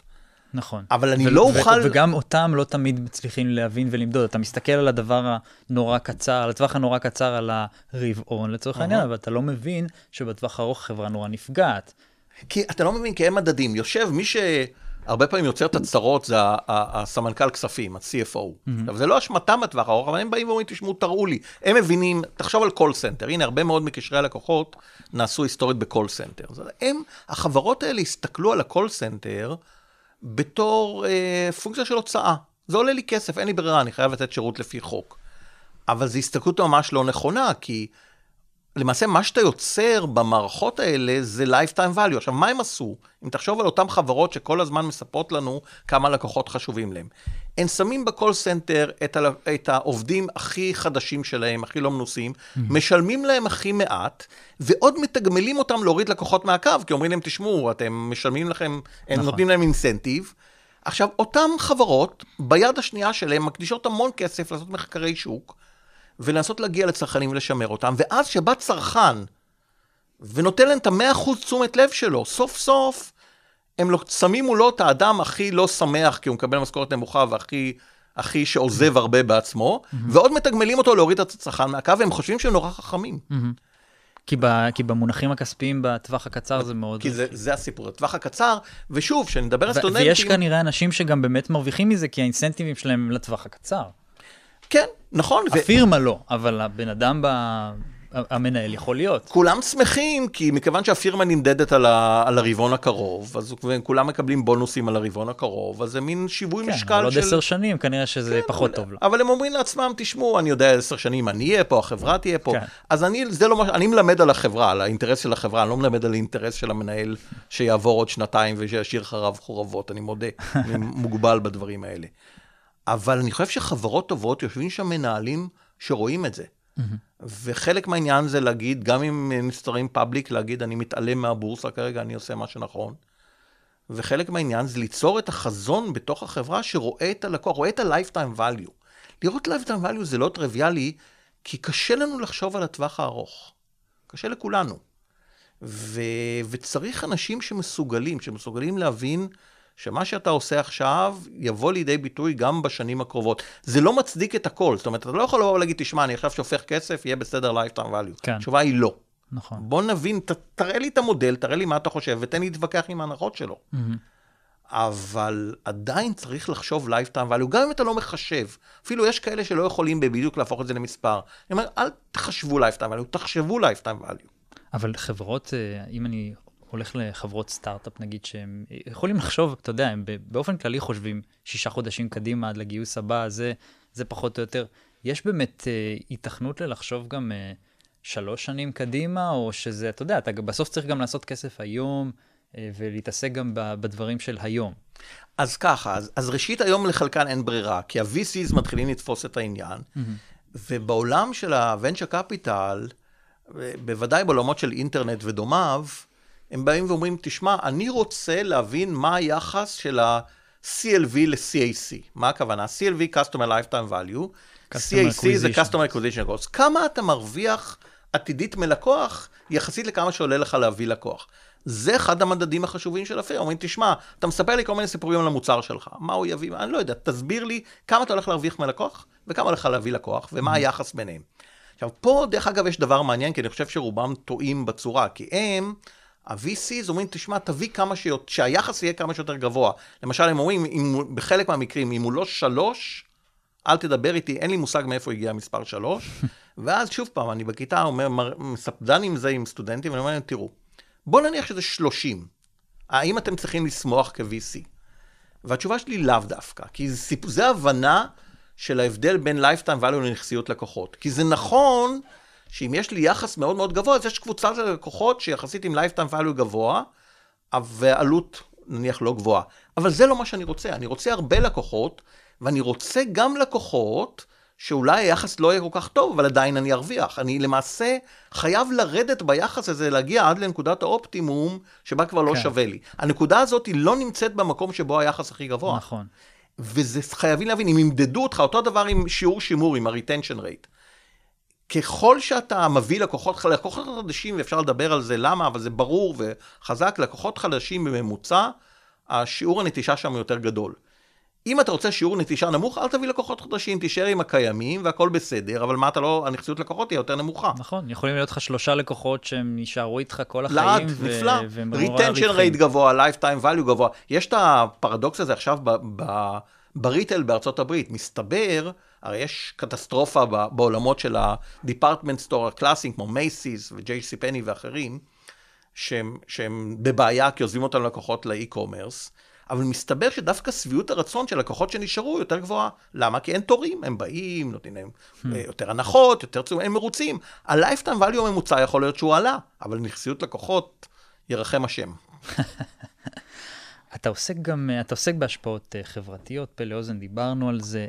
איך מודדים את ההשפעה החברתית הזאת? אנחנו מדברים על מדידה, ובטח יש לך גם אה, ספר שעוסק בזה, שיש חדשנות מסוימת. אז אתה בא אה, לייצר איזשהו משהו חדש, ואתה רוצה בעצם לקחת בחשבון גם את הווירליות של זה. אז בהתחלה אתה משיק, ובהתחלה כולם לומדים על זה מפרסומות, ואז אנשים מתחילים לדבר. איך בעצם הדבר הזה קורה? זה, זה עדיין מורכב. זאת אומרת, אנחנו, האינטרנט מאפשר לנו לעשות מדידות שפעם לא יכולנו. פעם זה היה כמעט מדע בדיוני, זה כל התחום של social network analysis היה תחום די תיאורטי. עסקו בו, היו כמה מאגרי מידע של כפרים בקוריאה וכדומה, שכולם דיברו, אבל לא, לא היה מידע. היום אפשר לראות יותר, כי אנחנו רואים ממש את ההשפעות במקומות מסוימים. למשל, חברות גיימינג יכולות למדוד את ההשפעות. הם רואים שהם עושים משהו, ואנשים מושפעים ממנו, חברים של החברים שלהם. זאת אומרת, אתה יכול, אחד הדרכים להסתכל זה מה קורה לחברים של, ה, של הלקוח שלך. עכשיו, זה לא פשוט גם מבחינה סטטיסטית, כי יכול להיות שפשוט הם דומים להם, וזה לא בגלל השפעה, אבל יש דרכים לנסות לטפל בזה. יש במודלים שלנו, אנחנו אה, אה, למשל מנסים לפרק את הגידול להשפעות שבאות מבחוץ, כמו advertising, לבין השפעות שבאות מכמות האנשים הנוכחית. אתה יכול לעשות הרבה ניסויים, אתה יכול להסתכל, זה לא דבר פשוט, אתה צריך להסתכל, אבל נוצ... הייתי אומר שב-15 שנה האחרונות התחילה ליצור, להיווצר איזשהו, אה, התחיל להיווצר איזשהו בסיס ידע, שאומר, אנחנו רואים איפה זה עובד, ואיפה לפעמים זה לא, ואנחנו רואים את ההשפעה. אתה רואה את זה עם influencers למשל. ה influencer marketing הופך להיות אחת התעשיות החשובות בעולם הצרכני בוודאי. וזה, ואנשים עובד. שיש להם הרבה עוקבים, באמת זה עובד, אנשים זה קונים. עובד. מנהלי שיווק ושואלים, מראיינים אותם, תשמעו, אנחנו רואים, אני דיברתי גם עם החברות האלה, אתה רואה שאינפלואנסרית, נניח, לובשת שמלה מסוימת, זה מעלה את המכירות. הם עדיין לא מודדים את זה. גם העולם הזה, דרך אגב, הוא עוד לא עולם של lifetime נכון, value. קשה מאוד למדוד שם. הם, קשה כי זה גם אנשים אחרים, האנשים שעסקו בתוכן, בפה לאוזן, זה סוג אנשים אחר מהסוג האנשים שמודדים כסף. כן. הם פשוט לא חושבים ככה, וקשה למדוד, אבל הם ילכו לכיוון ש... מה שקורה, הטכנולוגיה מובילה אותנו יותר ויותר לעולמות של הנכסיות לקוחות. ככל שהיא תהיה יותר טובה והיא נעשית יותר טובה, אתה תוכל גם למדוד. נכון. ברגע שתוכל למדוד, ולמעשה מה שאתה צריך זה לשייך את הקנייה באיזושהי צורה למה שנאמר קודם. תעשה ניסויים הרבה יש פעמים. הרבה חברות שהיום אה, מנסות לעלות על זה, באמת על, ההש... על ההשפעה של אה, איך משפיענים בעצם אה, מייעל... מועילים למכירות. כי, הם, כי, כי יש עלייה די דרמטית בשימוש בהם באמת, וזה עובד, יש דור שלם שקשה להגיע אליו. אתה יודע, הילדים שלי, אני לא חושב שהם מכירים פרסומת אחת בטלוויזיה, איך הם היא נראית. עוקבים אחרי יוטיוברים, אחרי אנשים באינסטגרם.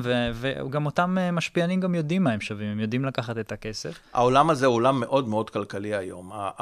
מי שחושב שהוא אה, באינסטגרם, אנשים, מש, אה, אנשים ממליצים אך ורק בגלל טוב ליבם, אז אה, הוא זה מאוד... בטוח, אני חושב שאנשים כבר לא תמימים עד כדי אני לא כך. חושב שיש תמימים, אני חושב שכל, מי שהולך לאינסטגרם יודע מה הוא שחק. אינסטגרם זה, זה פלטפורמה מסחרית, ואנשים אמיצים ודאי מושפעים, כי עדיין הם רוצים אה, אה, לעשות, להתנהג כמו שהאנשים האהובים מ- אה, אה, מתנהגים. ו... ויש, אתה יודע, יש מדדים, מה שמעניין בעולם הזה, זה שהם עוברים ממדדים רגילים של followers, mm-hmm. שזה רק כמה עוקבים לך, הם מבינים ש-followers כבר הוא בעייתי, אפשר לרמות בזה, זה אולי לא אומר, לקנות. אז הם עוברים למדדים של engagement היום הרבה יותר, mm-hmm. מה comments ו-share, אבל גם זה לא הסוף.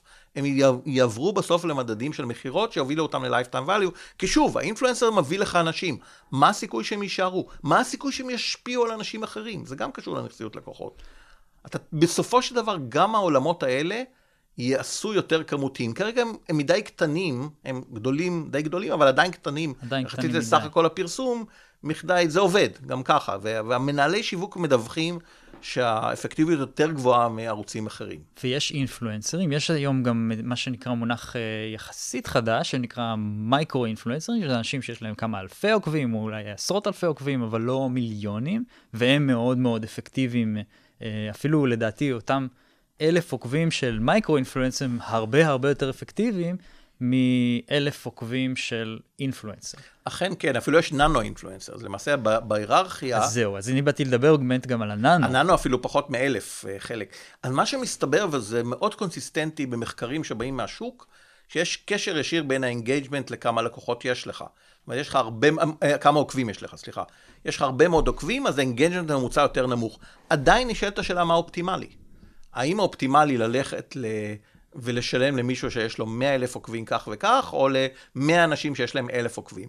בגדול הטרנד הוא ללכת ליותר קטנים, והסיבה mm. היא שזה מאפשר לך גם להיות יותר בנישות. זאת אומרת, מעבר כן. לכל דבר אחר, זה גם engagement יותר גבוה, ואתה יותר, יותר, יכול יותר לכוון. אתה הולך ל influencer שבדיוק עוסק בדיוק נופל בתחום שלך. על שלך, ולאותו קהל מדבר. והוא יכול, וקשה, אם אתה מדבר על יזמים שמכניסים מוצרים, זה כבר לא, הסיפור של ה influencer הוא ממש ממש לא רק קים קרדשיאן ו- ובושם או משהו. אגב, קים קרדשיאן, באמת מה שקרה למשל עם סטארט-אפ ישראלי מאוד מצליח, שנקרא לייטריקס, זה שקים קרדשיאן אה, אה, על דעת עצמה אה, התחילה להשתמש וגם להלל את המוצר, וזה משהו שהעיף את, ה, את ההורדות למעלה בצורה בלתי רגילה. אז באמת, speaking of influencers, אם אתה מצליח לייצר את הדבר הזה, יש לזה ערך מטורף כלפי העסק. במיוחד בתחילת חיי המוצר, אנחנו חוזרים לעניין של ה-social value. כי אם זה תחילת חיי המוצר וה influencer מביא לנו אלף לקוחות, האלף האלה בתחילת החיים שווים לא רק את ה-lifetime value שלהם, יש להם social value אדיר. Mm-hmm. הם מתחילים את הכדור שלג. ולכן זה, זה מאוד שווה. והשאלה באמת איך עושים את זה, זה לא פשוט, ראשית האינפלואנסר בעצמם יודעים שהם שווים הרבה, זה עולה הרבה כסף. עולה הרבה מאוד, ולא ברור שתמיד, יש חלקם ששורפים את עצמם מרוב אנשים שהם ממליצים עליהם. אז השאלה מי ומה, וזה גם מיומנות שצריך לפתח. אה, וזה יבוא. זה יבוא מבחינת גם הניתוחים הכספיים של הדברים האלה. מרתק. יש גם את, אה, את הנושא של אה, כל המדידות שאני מכיר, לפחות בעולם של השיווק, הם עוסקים גם בנושא של אה, ממש לתת סקורינג ללקוחות, לפי האינטראקציות שלהם עם, החברה, לתת להם ממש ניקוד ולדעת למי לפנות יותר, למי לפנות פחות.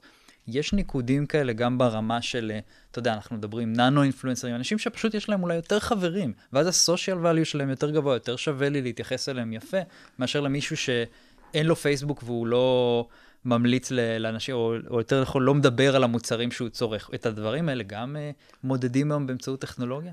מנסים. למשל, הייתה חברה, שאני חושב שהיא כבר די uh, הפסיקה לפעול בינתיים, שנקרא קלאוט בארצות הברית, שהיא נתנה לכל האזרחים בארצות הברית מדד על פי ההשפעה שלהם ב social media. Mm-hmm. או לפחות כל מי ששיתף איתה פעולה. אני חושב שבסין זה ממש... אה, בסין עכשיו חזק. זה בעיה. תשמע, בסין, אני, יוצא לי ללמד בסין מדי שנה ניהול קשרי לקוחות למנהלים סינים. ו- וסין מאוד מאוד מתקדמת בסושיאל מדיה. היא, היא הרבה יותר ממה שאני רואה בארצות הברית ובאירופה. מבחינת השימוש, מבחינת האמצעי תשלום. והיכולת לעקוב היא הרבה יותר גדולה. כן. שם, אבל אתה יודע, הממשלה לקחה את הדברים שאנחנו מדברים על זה לאקסטרים, שזה נראה כמו פרק הזוי של מראה שחורה, שזה אנחנו, אני לא חושב שאנחנו שמחים עם העניין הזה. החברות בהקשר של ה... כמו קלאוט, אז הם נתנו דירוג לאנשים על פי, לא רק כמה הם שמו ב social media, כמה עקבו אחריהם, עשו retweeting, ואז הם באו לחברות ואמרו, תשמע, מגיע אליך לקוח, אנחנו נגיד, ניתן לך את ה- Klout score שלו, ולפי זה תיתן להם שירות דיפרנציאלי לפי ה-social value שלהם. היה בזמנו, למשל, ב, אם היה לך Klout score מעל 55, יכלת להיכנס ללאונג'ים של אמריקן איירליינס גם אם לא טסת אמריקן. כי אמריקן איירליינס רצו שאדם כמוך יישב בלאונג' ויכתוב, אני כותב מהלאונג' של אמריקן איירליינס. אז זה סוג הדבר ש, שקורה יותר, כי אנשים מבינים ומה ב social איתם. עכשיו, הם uh, מתקדמים? זה, זה משהו שהולך לכיוון הזה באמת, או שהם uh, לא הצליחו? תראה, אני, אני כבר לא, הבעיה, החברות, הן מוכרות אחת לשני, את עצמן אחת לשנייה, שקשה לי כנראה הם של לעקוב. סיילספורס או משהו כזה. זה, זה, כן, יכול להיות שאחד.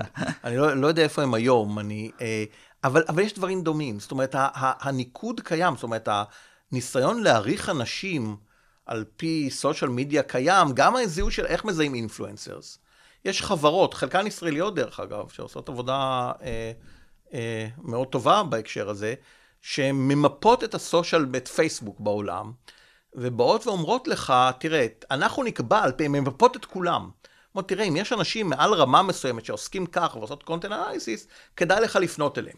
זאת אומרת, הן לא הולכות רק לגדולים ביותר, הן הולכות גם למייקרו או ננו, אבל זה לא שמייקרו וננו בהכרח הכריזו על עצמם מראש ככאלה. כן.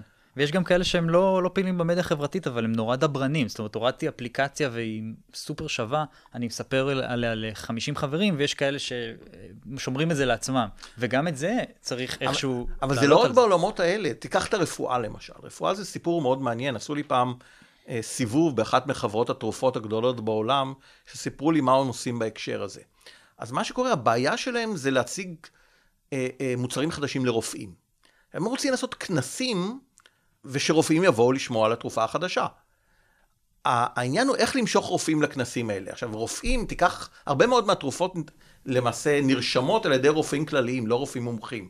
אבל לרופא כללי יש רופא מומחה שהוא מתייעץ איתו, או מעריך אותו בתחום המסוים. נניח, יש רופא עור שהוא סומך עליו בענייני עור, יותר עמוקים. אז הם מניחים שנניח שאתה רופא עור כזה, אומרים, תשמע, אם הדר יבוא לכנס, גם כל מיני רופאים כלליים שמאמינים בו יבואו. Mm-hmm. נוכל להגיד להם, הדר בא. בשביל זה אתה צריך להבין את הקשרים ביניהם. אז אותה חברה גדולה העסיקה חברה של כמה עשרות אנשים, שיצרו את ה-social network analysis של רופאים בכל העולם. להבין מי קשור למי. מדהים. ואז לפי זה הם היו באים ואומרים להם, תראו, אנחנו... והם דירגו רופאים לפי ההשפעה שלהם. ההשפעה יכולה להיות בכל מיני דרכים, גם דרך מאמרים או דרך דברים אחרים, ואיך הם קשורים אחד לשני. ואחד המטלות של אותם נציגים שעבדו מול רופאים זה לעזור למפות את, ה... את המפה הזאת. אז זה לא רק משהו ש... שוב פעם, כולנו חוזרים נורא מהר לאופנה ולקרדשיאן, וזה ממש לא שם. זה בפייננס הרבה מאוד, במימון. אנחנו רואים את זה ב-B2B יותר ויותר, את האינפלואנסרס. את העובדה שה... פשוט מאיפה זורמת האינפורמציה. מדהים. אה, יש לך גם מחשבות על הדרך שבה מודדים חברות ושווי של חברות ועושים הערכת שווי, ועל אה, מדדים שלא מתחשבים בהם, בהקשר של ה-social value? אני חושב שיותר מה-social value, קודם כל זה נכסיות לקוחות. למעשה, אנשים בעולם המימון אומרים, תראו, הערך של חברה... במידה רבה זה מה שנקרא Discounted Cash Flow, הערך הנוכחי של תזרים המזומנים שלו, שלה. עכשיו, מה זה הדבר הזה? מאיפה בא Discounted Cash Flow? רוב החברות זה בא מלקוחות. יכול להיות שכמובן יש להם משכירים נכסים, בסדר. יכול להיות שצריך להביא בחשבון את החובות שלהם, מה שהשקיעו, גם בסדר. אבל מעבר לזה, רוב הסיפור הוא התזרימים ללקוחות. זה בדיוק מה שאני קורא לו נכסיות, ולכן, על מנת להעריך שווי של חברה, אתה חייב להבין בנכסיות לקוחות, מה שאני יכול להגיד שמהניסיון שלי או מההבנה שלי, הרבה מאוד מהאנשים שעוסקים באחות שווי לא כל כך מבינים בעולמות האלה. הם אנשים שבאים מעולם המימון, הם מבינים נהדר במקדמי היוון ובחובות ובדברים, אבל התובנות שלהם על איך מתפתח שוק של לקוחות, איך מתפתחת נכסיות לקוחות. איך החברה מנהלת לקוחות, איך, איך ה-retension, איך ה... איך ה-retension למשל, איך זה משפיע, איך זה מתרגם. אתה עושה merger and acquisition נניח, M&A, אתה קונה חברה אחרת.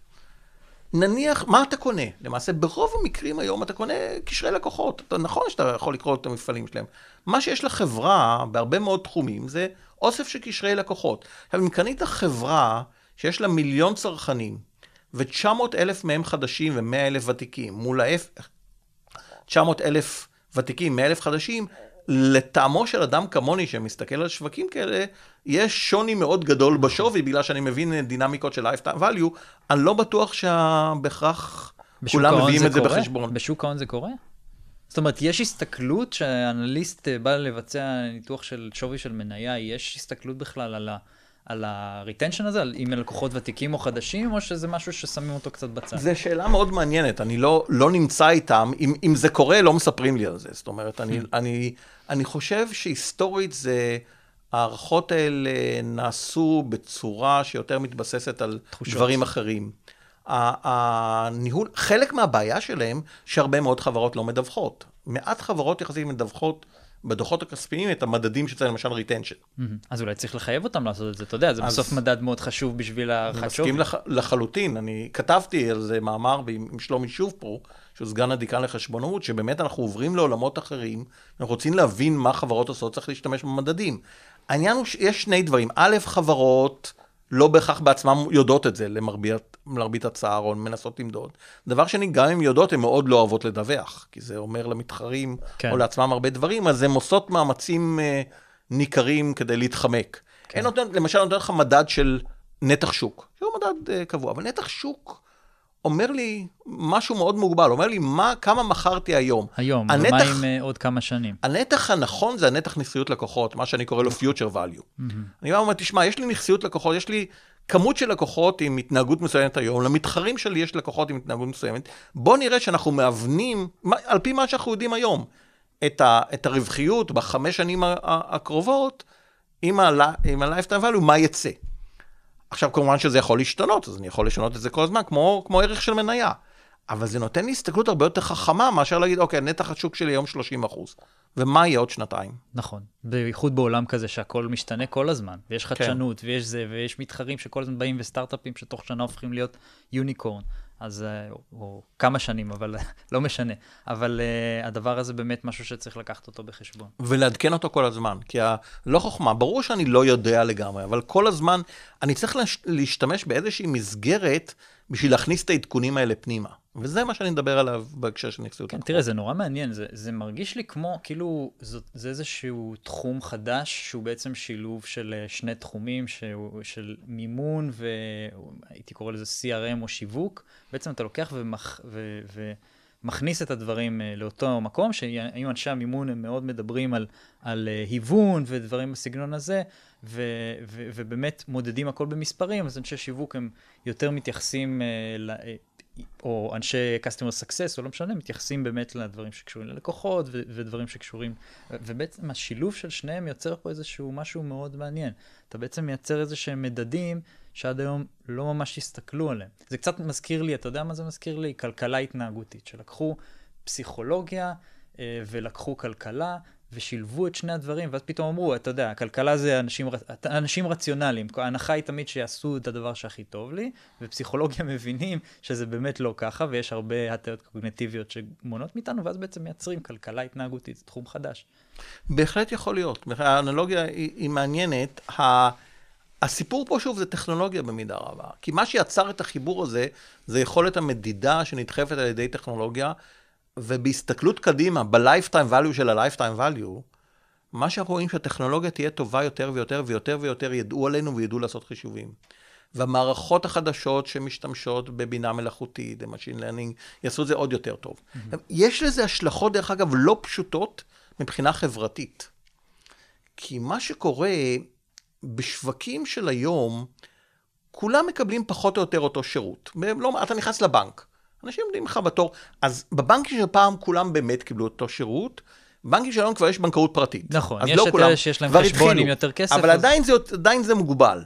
ככל שהטכנולוגיה תהיה יותר טובה, אז, אז לדוגמה, משהו שקורה כבר היום, שאתה מתקשר לבנק שלך, יכול להיות מאוד שאתה מכניס את המספר, אתה מתקשר, מכניס מספר חשבון בטלפון, אנשים לא יודעים, אבל למעשה מעמידים אותם בתור באותה הזדמנות, לפי ה-lifetime value הצפוי שלהם. מדהים. אז אתה יודע, היום זה, זה קורה, אם, אם בעולם הפיזי, בעולם הדיגיטלי אולי אתה מאפשר, אבל אם אתה תראה מישהו בעולם הפיזי נכנס, לוקח פתק ופתאום עוקף אותך בתור, רק כן. אם הוא סלבריטי מאוד גדול אולי, אתה אחרת אתה תאכל. את זה, אחרת אתה נורא אבל, תתעצבן. אבל תהיה, אה, ו, וזה יוצר מעמדות בין לקוחות, כן. וזה מאוד לא טריוויאלי, כי מה יקרה? יהיה קבוצה של אנשים שהם מהשכבות היותר נמוכות אה, סוציו-אקונומית בחברה, שלכל מקום שהם ילכו יקבלו שירות רע. או לא- שירות לא טוב כמו אחרים, בוא נגיד ככה. אז זה אולי משהו קצת לא אתי שאתה לא תוכל לעשות בעצם. זאת אומרת, יהיה, בטח יהיו איזה שהן מגבלות, לפחות אז- רגולציה. אז יהיה רגולציה. אז זה אחד הדברים שאנשים, הכל קורה מתחת לפני השטח היום. והשאלה באמת, מה הרגולציה תגיד על הדבר הזה? כבר היום אנחנו רואים, אתה יודע, אתה קונה מוצר פעם הראיתי לאשתי איך אנחנו קונים באתר גדול, הם שני מחשבים בבית, אני, אני נוטה לקנות מהם והיא פחות, והראיתי איך אנחנו מקבלים מחיר שונה על אותו מוצר. נכון, זה כבר משהו ש... זה משהו שכבר זה, קיים. זה נהיה כבר ב-common knowledge כזה גם. אבל, אבל תחשוב עכשיו, בוא ניקח את זה הלאה, ניקח את זה ברמת החברה. אתה אומר, אוקיי, אז מי הם האנשים שישלמו יותר? אז זו שאלה מעט, אז יכול להיות מאוד שהרבה פעמים, בכל כל אחד שעושה את החישוב, הוא יכול להגיד שהוא אתי מבחינתו, כי מה אתה רוצה ממני? אתה רוצה שאני אפסיד ללקוח? נכון. אתה רוצה זכותי? אבל כשאתה עושה אה, אה, אגרגציה של כל הזכויות האלה על פני החברה, החברה האנושית, זה יוצר בעיה. זה יוצר בעיה כי הסובסידיות ההדדיות האלה נתנו לנו גם איזה מרקם חברתי נורמלי, שבה אתה אומר, תשמע, גם אם אתה לא הכי טוב כרגע, עדיין מגיע לך איזה מינימום בצורה שבה אתה צורך דברים. וככל שאנחנו יודעים יותר, יש לנו יותר בעיה. באיזשהו מקום החוסר ידע יצר חברה יותר אה, שוויונית ו... והוגנת. והוגנת במידה, הוגנת בתפיסות שלנו כמובן של הוגנות. ו- ואז כנראה שהרגולטור באמת צריך להתערב כדי למנוע את ההבדלים האלה, כי זה באמת יכול לייצר מצב מאוד לא נעים, שאנשים שהם יותר עשירים ויש להם יותר השפעה חברתית, בעצם מקבלים ש- שירות יותר טוב. אתה יודע, זה, באיזשהו מקום זה תמיד ככה היה ותמיד ככה יהיה, אבל ב- במצב שהוא כבר מאוד, אה, מאוד קיצוני. כן, והרגולטור, תראה, יש דברים שהרגולטור מתערב, אה, למשל, אה, לא יכולים לפטר אותך מה, מהבנק. אחד הדברים שעולים בעולמות של ניהול קשרי לקוחות, אומרים, תשמע, אם אני מפסיד הלקוח, אז יכול להיות ששווה לי לפטר אותו. עכשיו, דרך אגב, זה לא כל כך פשוט, כמו שאני אומר לסטודנטים, אתם עוד לא יודעים מספיק על lifetime value לרוץ להתחיל לפטר לקוחות. Mm-hmm. זה, זה נכון קונספטואלית, אבל צריך לחשוב על זה טוב, מה ההשפעות של ה-social value וכדומה. אבל בוא נניח שבאמת אתה יכול לפטר. בנקים לא יכולים, לא יכולים להגיד לך, תשמע, הדר, אני לא מרוויח עליך ולכן אתה מפוטר, אחרת הם היו אולי עושים את זה להרבה מאוד חשבונות של קשישים ואחרים, שכל מה שיש להם זה את החשבון ביטוח לאומי, הבנק לא מרוויח עליהם. Mm-hmm. לא שווה לו להתעסק איתם. והבנק, אבל מה שהבנקים עושים אבל, כי יש להם את הבעיה הזאת, אתה רואה איך הם סוגרים סניפים בזמן האחרון. הם סוגרים סניפים בכל הארץ, הם סוגרים יותר במקומות היותר אה, אה, אה, חלשים. אה, עכשיו, אה, כי למעשה ה-customer equity של האזור הזה הוא יותר נמוך. Mm-hmm. עכשיו, הדבר האחר שהם עושים זה מעבירים לדיגיטל, כי לבנקים מתברר, וזה לא מפתיע, שלשרת לקוח בדיגיטל, אפילו לא בדיגיטל, בכספומט גם, ב-ATM, הרבה יותר זול. אז הם מנסים לדחוף אנשים לכספומטים. אז, אז הרבה פעמים הם בעצם, את הלקוחות של ה... שה-lifetime value שלהם נמוך, הם נותנים להם שירות פחות טוב בדרכים שהן עקיפות, לא מפטרים אותם אומנם, אבל לא, לא שמים כן. שם סניפים ועוברים אמת. לדיגיטל, כי, כי התחזוקה שלהם היא מאוד גבוהה. ומה שקורה שחלק מהלקוחות האלה, אלה שהכי קשה להם טכנולוגיה. נכון. ואז נוצר מצב שהחיים שלהם יותר קשים. ו- ואתה רואה, שוב יש לי ויכוחים, חלק מהקולגות שלי, שמתארים איזה עולם נורא אופטימי, שבו ללקוח היום יש הרבה יותר כוח, והלקוח תמיד צודק וכדומה. זה לא העולם שאני רואה. אני, לצערי הרב, אני מוכרח להגיד שיש פה איזה אופוריה לא קיימת. זה נכון שחלק מהלקוחות שיודעים להשתמש בכוח שלהם בסושיאל מדיה, יש להם יותר כוח היום. אבל החברות אה, לא פראייריות, מה שנקרא. הן יודעות גם איך להשתמש בכוח, למי לתת ולמי לא, mm-hmm. ואנחנו רואים יותר ויותר מצב של אנשים פשוט אין כוח לריב כבר, כי הם, החברות יודעות גם לשגע אותם. ושוב, הם ידעו להבדיל, הם ידעו הדר, שהוא יחסית צעיר, מומחה בסושיאל מדיה, עושה כל מיני דברים, בואו לא נסתבך עם הדר. בואו לא נעצבן אותו. בואו לא נעצבן אותו. יש לנו ניסיון לא לעצבן את הדר. Mm-hmm. אבל את אימא של הדר, למה לא? Mm-hmm. ושוב פעם... אימא של הדר אולי גם לא, כי היא תספר. כי, אז, אז זה שאלה כמה, ושוב פעם, זה מודלים. זאת אומרת, מה הסיכוי שהיא תספר? להדר. ולמי היא תספר? ואז הדר יפרסם. ואז נכון, אז יכול להיות שבאמת לא כדאי. אנחנו, אבל זה לא, דברים לא מתפשטים. תמיד נותנים את הדוגמה, גם ב United Breaks Guitars. אז זה נורא התפשט באמת, זה בהחלט אה, אה, אה, קורה. אבל זה לא כל כך מהר, יש המון אנשים ששמים וידאוים באינטרנט ולא קורה כלום, וגם שם זה היה בגלל שהם ידעו איך לעשות את זה ולשלב את זה עם ה mass media. אז מבחינה הזאת אני, אני קצת יותר מודאג מכל האנשים שאומרים, תשמע, כוח עובר לאינטרנט. אנחנו רואים מה שקורה באינטרנט, איך ארבעת הגדולות, אפל, גוגל, אמזון ופייסבוק ומייקרוסופט, גם חמשת הגדולות, איך הן הולכות ומשתלטות על האינטרנט בצורה כזאת שדוחקות את החברות הקטנות. התחרות שלנו תלך ו- ותקטן, התחרות שעומדת לפנינו, ולמעשה, מה שיקרה בסופו של דבר, החסמי מעבר שלנו עולים, לפעמים אין לנו ברירה. מהבחינה הזאת, אני לא בטוח שמצבנו הוא בהכרח יותר טוב ממה שהוא היה לפני עשר שנים. ברק, עוד שאלה לסיום. אילו טעויות אתה רואה שעסקים עושים ביחס לניהול הקשר עם הלקוחות שלהם? זה, זאת שאלה מאוד, uh, מאוד טובה ומאוד גדולה. אני חושב שהסיפור הגדול שהם לא חושבים lifetime value. זאת אומרת, הם לא חושבים באמת, שוב, הם לא עניין של החישוב, הם לא צריכים, שהם לא מנסים לשים את הכל בפריימינג, והם פועלים על הטווח הקצר. זה, ה, זה ההסתכלות. הטווח המאוד קצר, הם, הם מניחים שהטווח הקצר מייצג. וזה לא ככה, זה, זה, זה מערכות די מורכבות, אני לא אומר, אני, זה, זה לא פשוט תמיד לחשוב על כל הדברים, אבל אני חושב שדווקא בצורה מאוד מעניינת, מי שעושה פחות טעויות, הרבה פעמים זה עסקים קטנים. עסקים קטנים חיים לקוחות. הם מבינים, את ה... הם רואים אותם ביום-יום, את הזיעה שלהם, את השמחה שלהם, והם יודעים לתת להם את היחס ואת ההסתכלות שתביא lifetime value. בחברות הגדולות, ככל שהחברות נעשות יותר גדולות, המנהלים מתרחקים מלקוחות. הם לא מבינים אותם, הם לא ראו לקוח, הם לא שמעו על הצרות שלו, אז הם לא יכולים לדמיין את הדברים שיביאו לנטישה או לירידת שימוש. אבל מצד שני, עסקים קטנים הם הרבה פעמים פחות, אה, לפחות אני רואה אותם שהם הרבה פחות מודדים דברים, הם הרבה פחות מסתכלים על ה... אבל, הם, אבל יש להם את האינטואיציה. אצלם האינטואיציה לפעמים, אתה יודע, לפעמים המדענייה שאני, זה mm. הספר. יש לו, הוא לא צריך למדוד לפעמים, מה שהוא עושה עם האינטואיציה, בגודל שלו זה לפעמים מספיק. Mm-hmm. יש לו, גם אם הוא לא מודד, הוא מבין מה המשמעות, החכמים ביניהם, הם מבינים פה לאוזן, הם מבקשים שימליצו עליהם. הבעיה היא המעבר לגודל. ואני חושב שחלק מהטעויות זה אנשים לא חיים את העולם של הלקוח, אם תשאל אותי. הם לא מבינים באמת הלקוחות שלהם. הם לא מבינים מה גורם להם לנטוש. הם לא מבינים מה גורם להם להצטרף.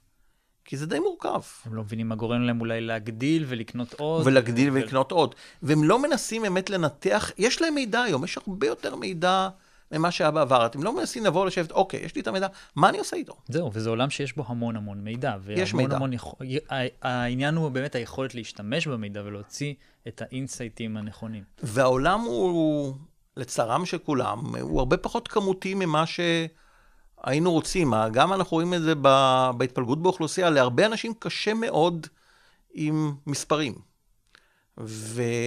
וככל שקשה להם יותר, הם פחות נוטים להסתכל על מידע ועל, ה, ועל המספרים, ואז הם סומכים על האינטואיציות. הבעיה היא שפעם היו להם גם כן מתחרים שהסתכלו רק על אינטואיציות, היום יש להם מתחרים גם מסוג אחר, והם אוכלים אותם. ואם אתה רואה חלק ממה שקורה גם עם האי-קומרס בארץ, או עם המסחר האלקטרוני, וכדומה. אז מדברים על זה שלאנשים יותר נוח לקנות באינטרנט, ולכן הם פוגעים בחנויות, אבל זה לא רק זה. החברות של, החברות של המסחר האלקטרוני יודעות לנהל לקוחות. יודעות למי לפנות ולמי לא לפנות ולמי לתת, וככה הן גם אורגרות את העולם הישן, שמורכב באנשים עם הרבה מאוד אינטואיציה, אבל בדרך כלל עם פחות יכולת להסתכל על נתונים. טוב, אל תשכח שגם בעולם האלקטרוני יש לך גם יכולת אה, אמיתית למדוד את הדברים ולדעת uh, הרבה יותר מידע. נכון, אבל אתה יכול לנסות, עדיין יש לך יתרונות מסוימים מזה שאתה כן רואה את הלקוח באופליין, אתה יכול לנסות לשלב. Mm-hmm. אתה יכול בכל זאת, לא, אתה לא תהיה אף פעם טוב כמו אמזון, אבל אתה יכול בכל זאת לנסות למדוד ולהסתכל ולנסות להבין בצורה מסודרת. כי אתה רוצה לשרוד. יהיה לך קשה לשרוד אחרת. מעבר לחסרונות שלך, של שאלה של האם משלמים מס בחו"ל או לא וכדומה, ויש יותר מבחר, הכל נכון, אבל מעבר לכל אלה יש גם את העניין של האם הם יודעים לנהל לקוחות או לא, וברגע שאתה חי עם לקוחות שנראים לך מזדמנים שנכנסים איכשהו ויוצאים, ואתה לא מנסה לנהל אותם אחר כך, אתה מפסיד בסיס כוח מאוד חשוב שלך. אתה יודע מה, אמרתי שזאת שאלה לסיום, אבל יש לי עוד שאלה שהיא מאוד מעניינת אותי. הנושא הזה, שבעצם אתה לוקח את השילוב של uh, מודל uh, התפתחות החידושים, ואני רוצה שתספר לי על זה רגע. הנושא של איך חדשנות מתפתחת, ואיך אפשר אולי לחזות בצורה יותר אמיתית ויותר uh, פורנזית את, ה, את החדשנות עוד לפני שהיא קורית. תראה, אני אדבר קודם כל מה שווה מוצר חדש. אם תחשוב על עכשיו בעולמות של אנשי מוצר, אני לא אנשי לקוחות, אתה מתכנן מוצר חדש והולך להשקיע ב-R&D 70 מיליון דולר. מה, מה יהיה שווה? הוא שווה לעשות זה אם המוצר יהיה שווה לי יותר מ-70. מה זה המוצר שווה? המוצר שווה נובע משני דברים. יש לי עקומה מסוימת שמייצגת את כמה לקוחות חדשים יצטרפו לי על פני זמן, וכל לקוח יהיה לו lifetime value. זאת אומרת, מעט מאוד מוצרים אנשים קונים פעם אחת וזהו. הקנייה הראשונית זה התחלה של מערכת יחסים, אם זה שירות אחר כך או מוצרים נוספים ואחרים. זאת אומרת שלמעשה השווי של מוצר חדש זה אותו דבר שקראנו לנכסיות לקוחות של אותו מוצר.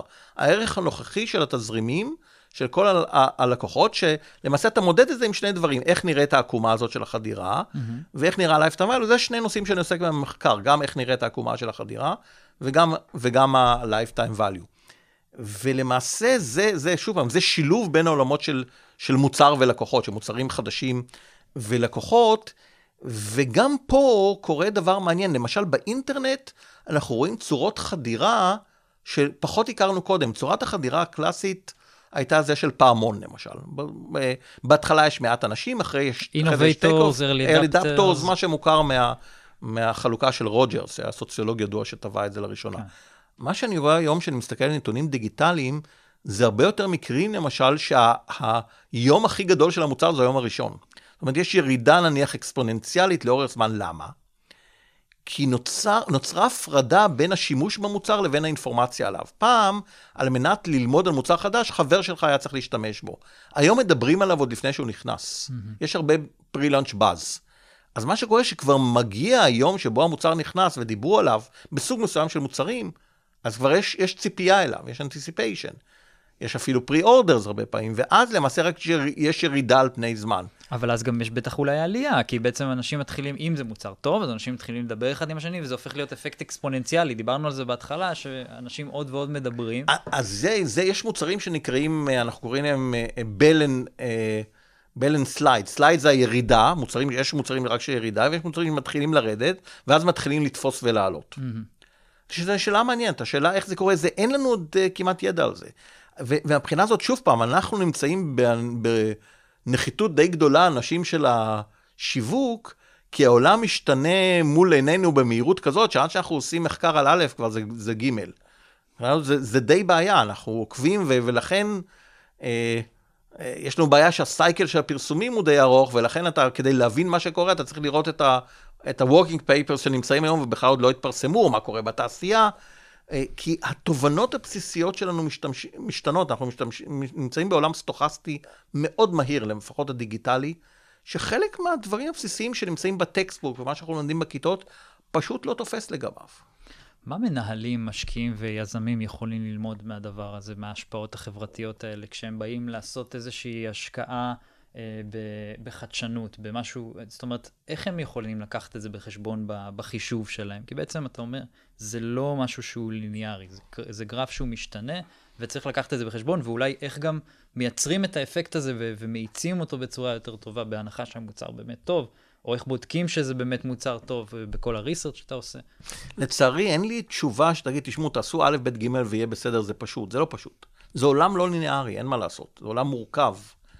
אה, אתה כן יכול לנסות לקרוא ולהתפתח. אחת, תראה, אחת הבעיות שאני רואה בהקשר הזה של מנהלים שהם לא מתפתחים, בצורה אישית, הם לא חושבים על ה-lifetime value של עצמם. ולכן, אם אנחנו חוזרים מתחילת הדיון, גם הם מוצאים את עצמם בלי עבודה בגיל 45. Mm-hmm. כי חלק מהעניין זה להבין שאתה צריך להקדיש זמן ללמוד, אתה צריך לקרוא. זה לא איזה, שוב פעם, מגדל שן אקדמי. לפני 30 שנה זה היה יותר קל, לא היית צריך לקרוא, כי העולם לא כל כך השתנה. Speaking of habits, אתה כן, צריך להקדיש לעצמך שעה ביום. שעה ביום. אתה יודע, וזה מעניין, כי נדבר על מנהלים, אני מדבר עם מנהלים בתחומים מסוימים, אני אגיד להם מה עם זה ומה עם זה, ובתחום שלהם והם לא יודעים. Mm-hmm. אומרים, תשמע, אין לי זמן, אני לא... אין לך זמן, אתה תמות. נכון.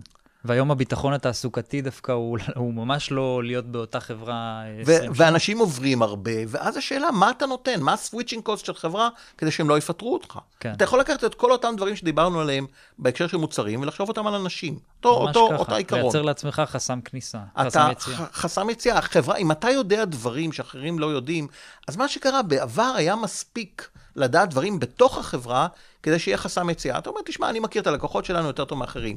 אבל בעולם משתנה, שיש לך מתחרים משתנים, והלקוחות שלך משתנים, לא ברור שהידע שלך, שנובע מבפנים מספיק. אתה חייב להבין גם מה שקורה מסביבך, ומי שלא יבין מה שקורה מסביבו, הוא יהיה בבעיה. כי, כי האחרים, המתחרים הגדולים וה, אכזריים שבאים, הם יודעים. הם כל הזמן משתנים יודעים, וקולטים. מתפתחים, לומדים, ומתפתחים. בעולם משתנה.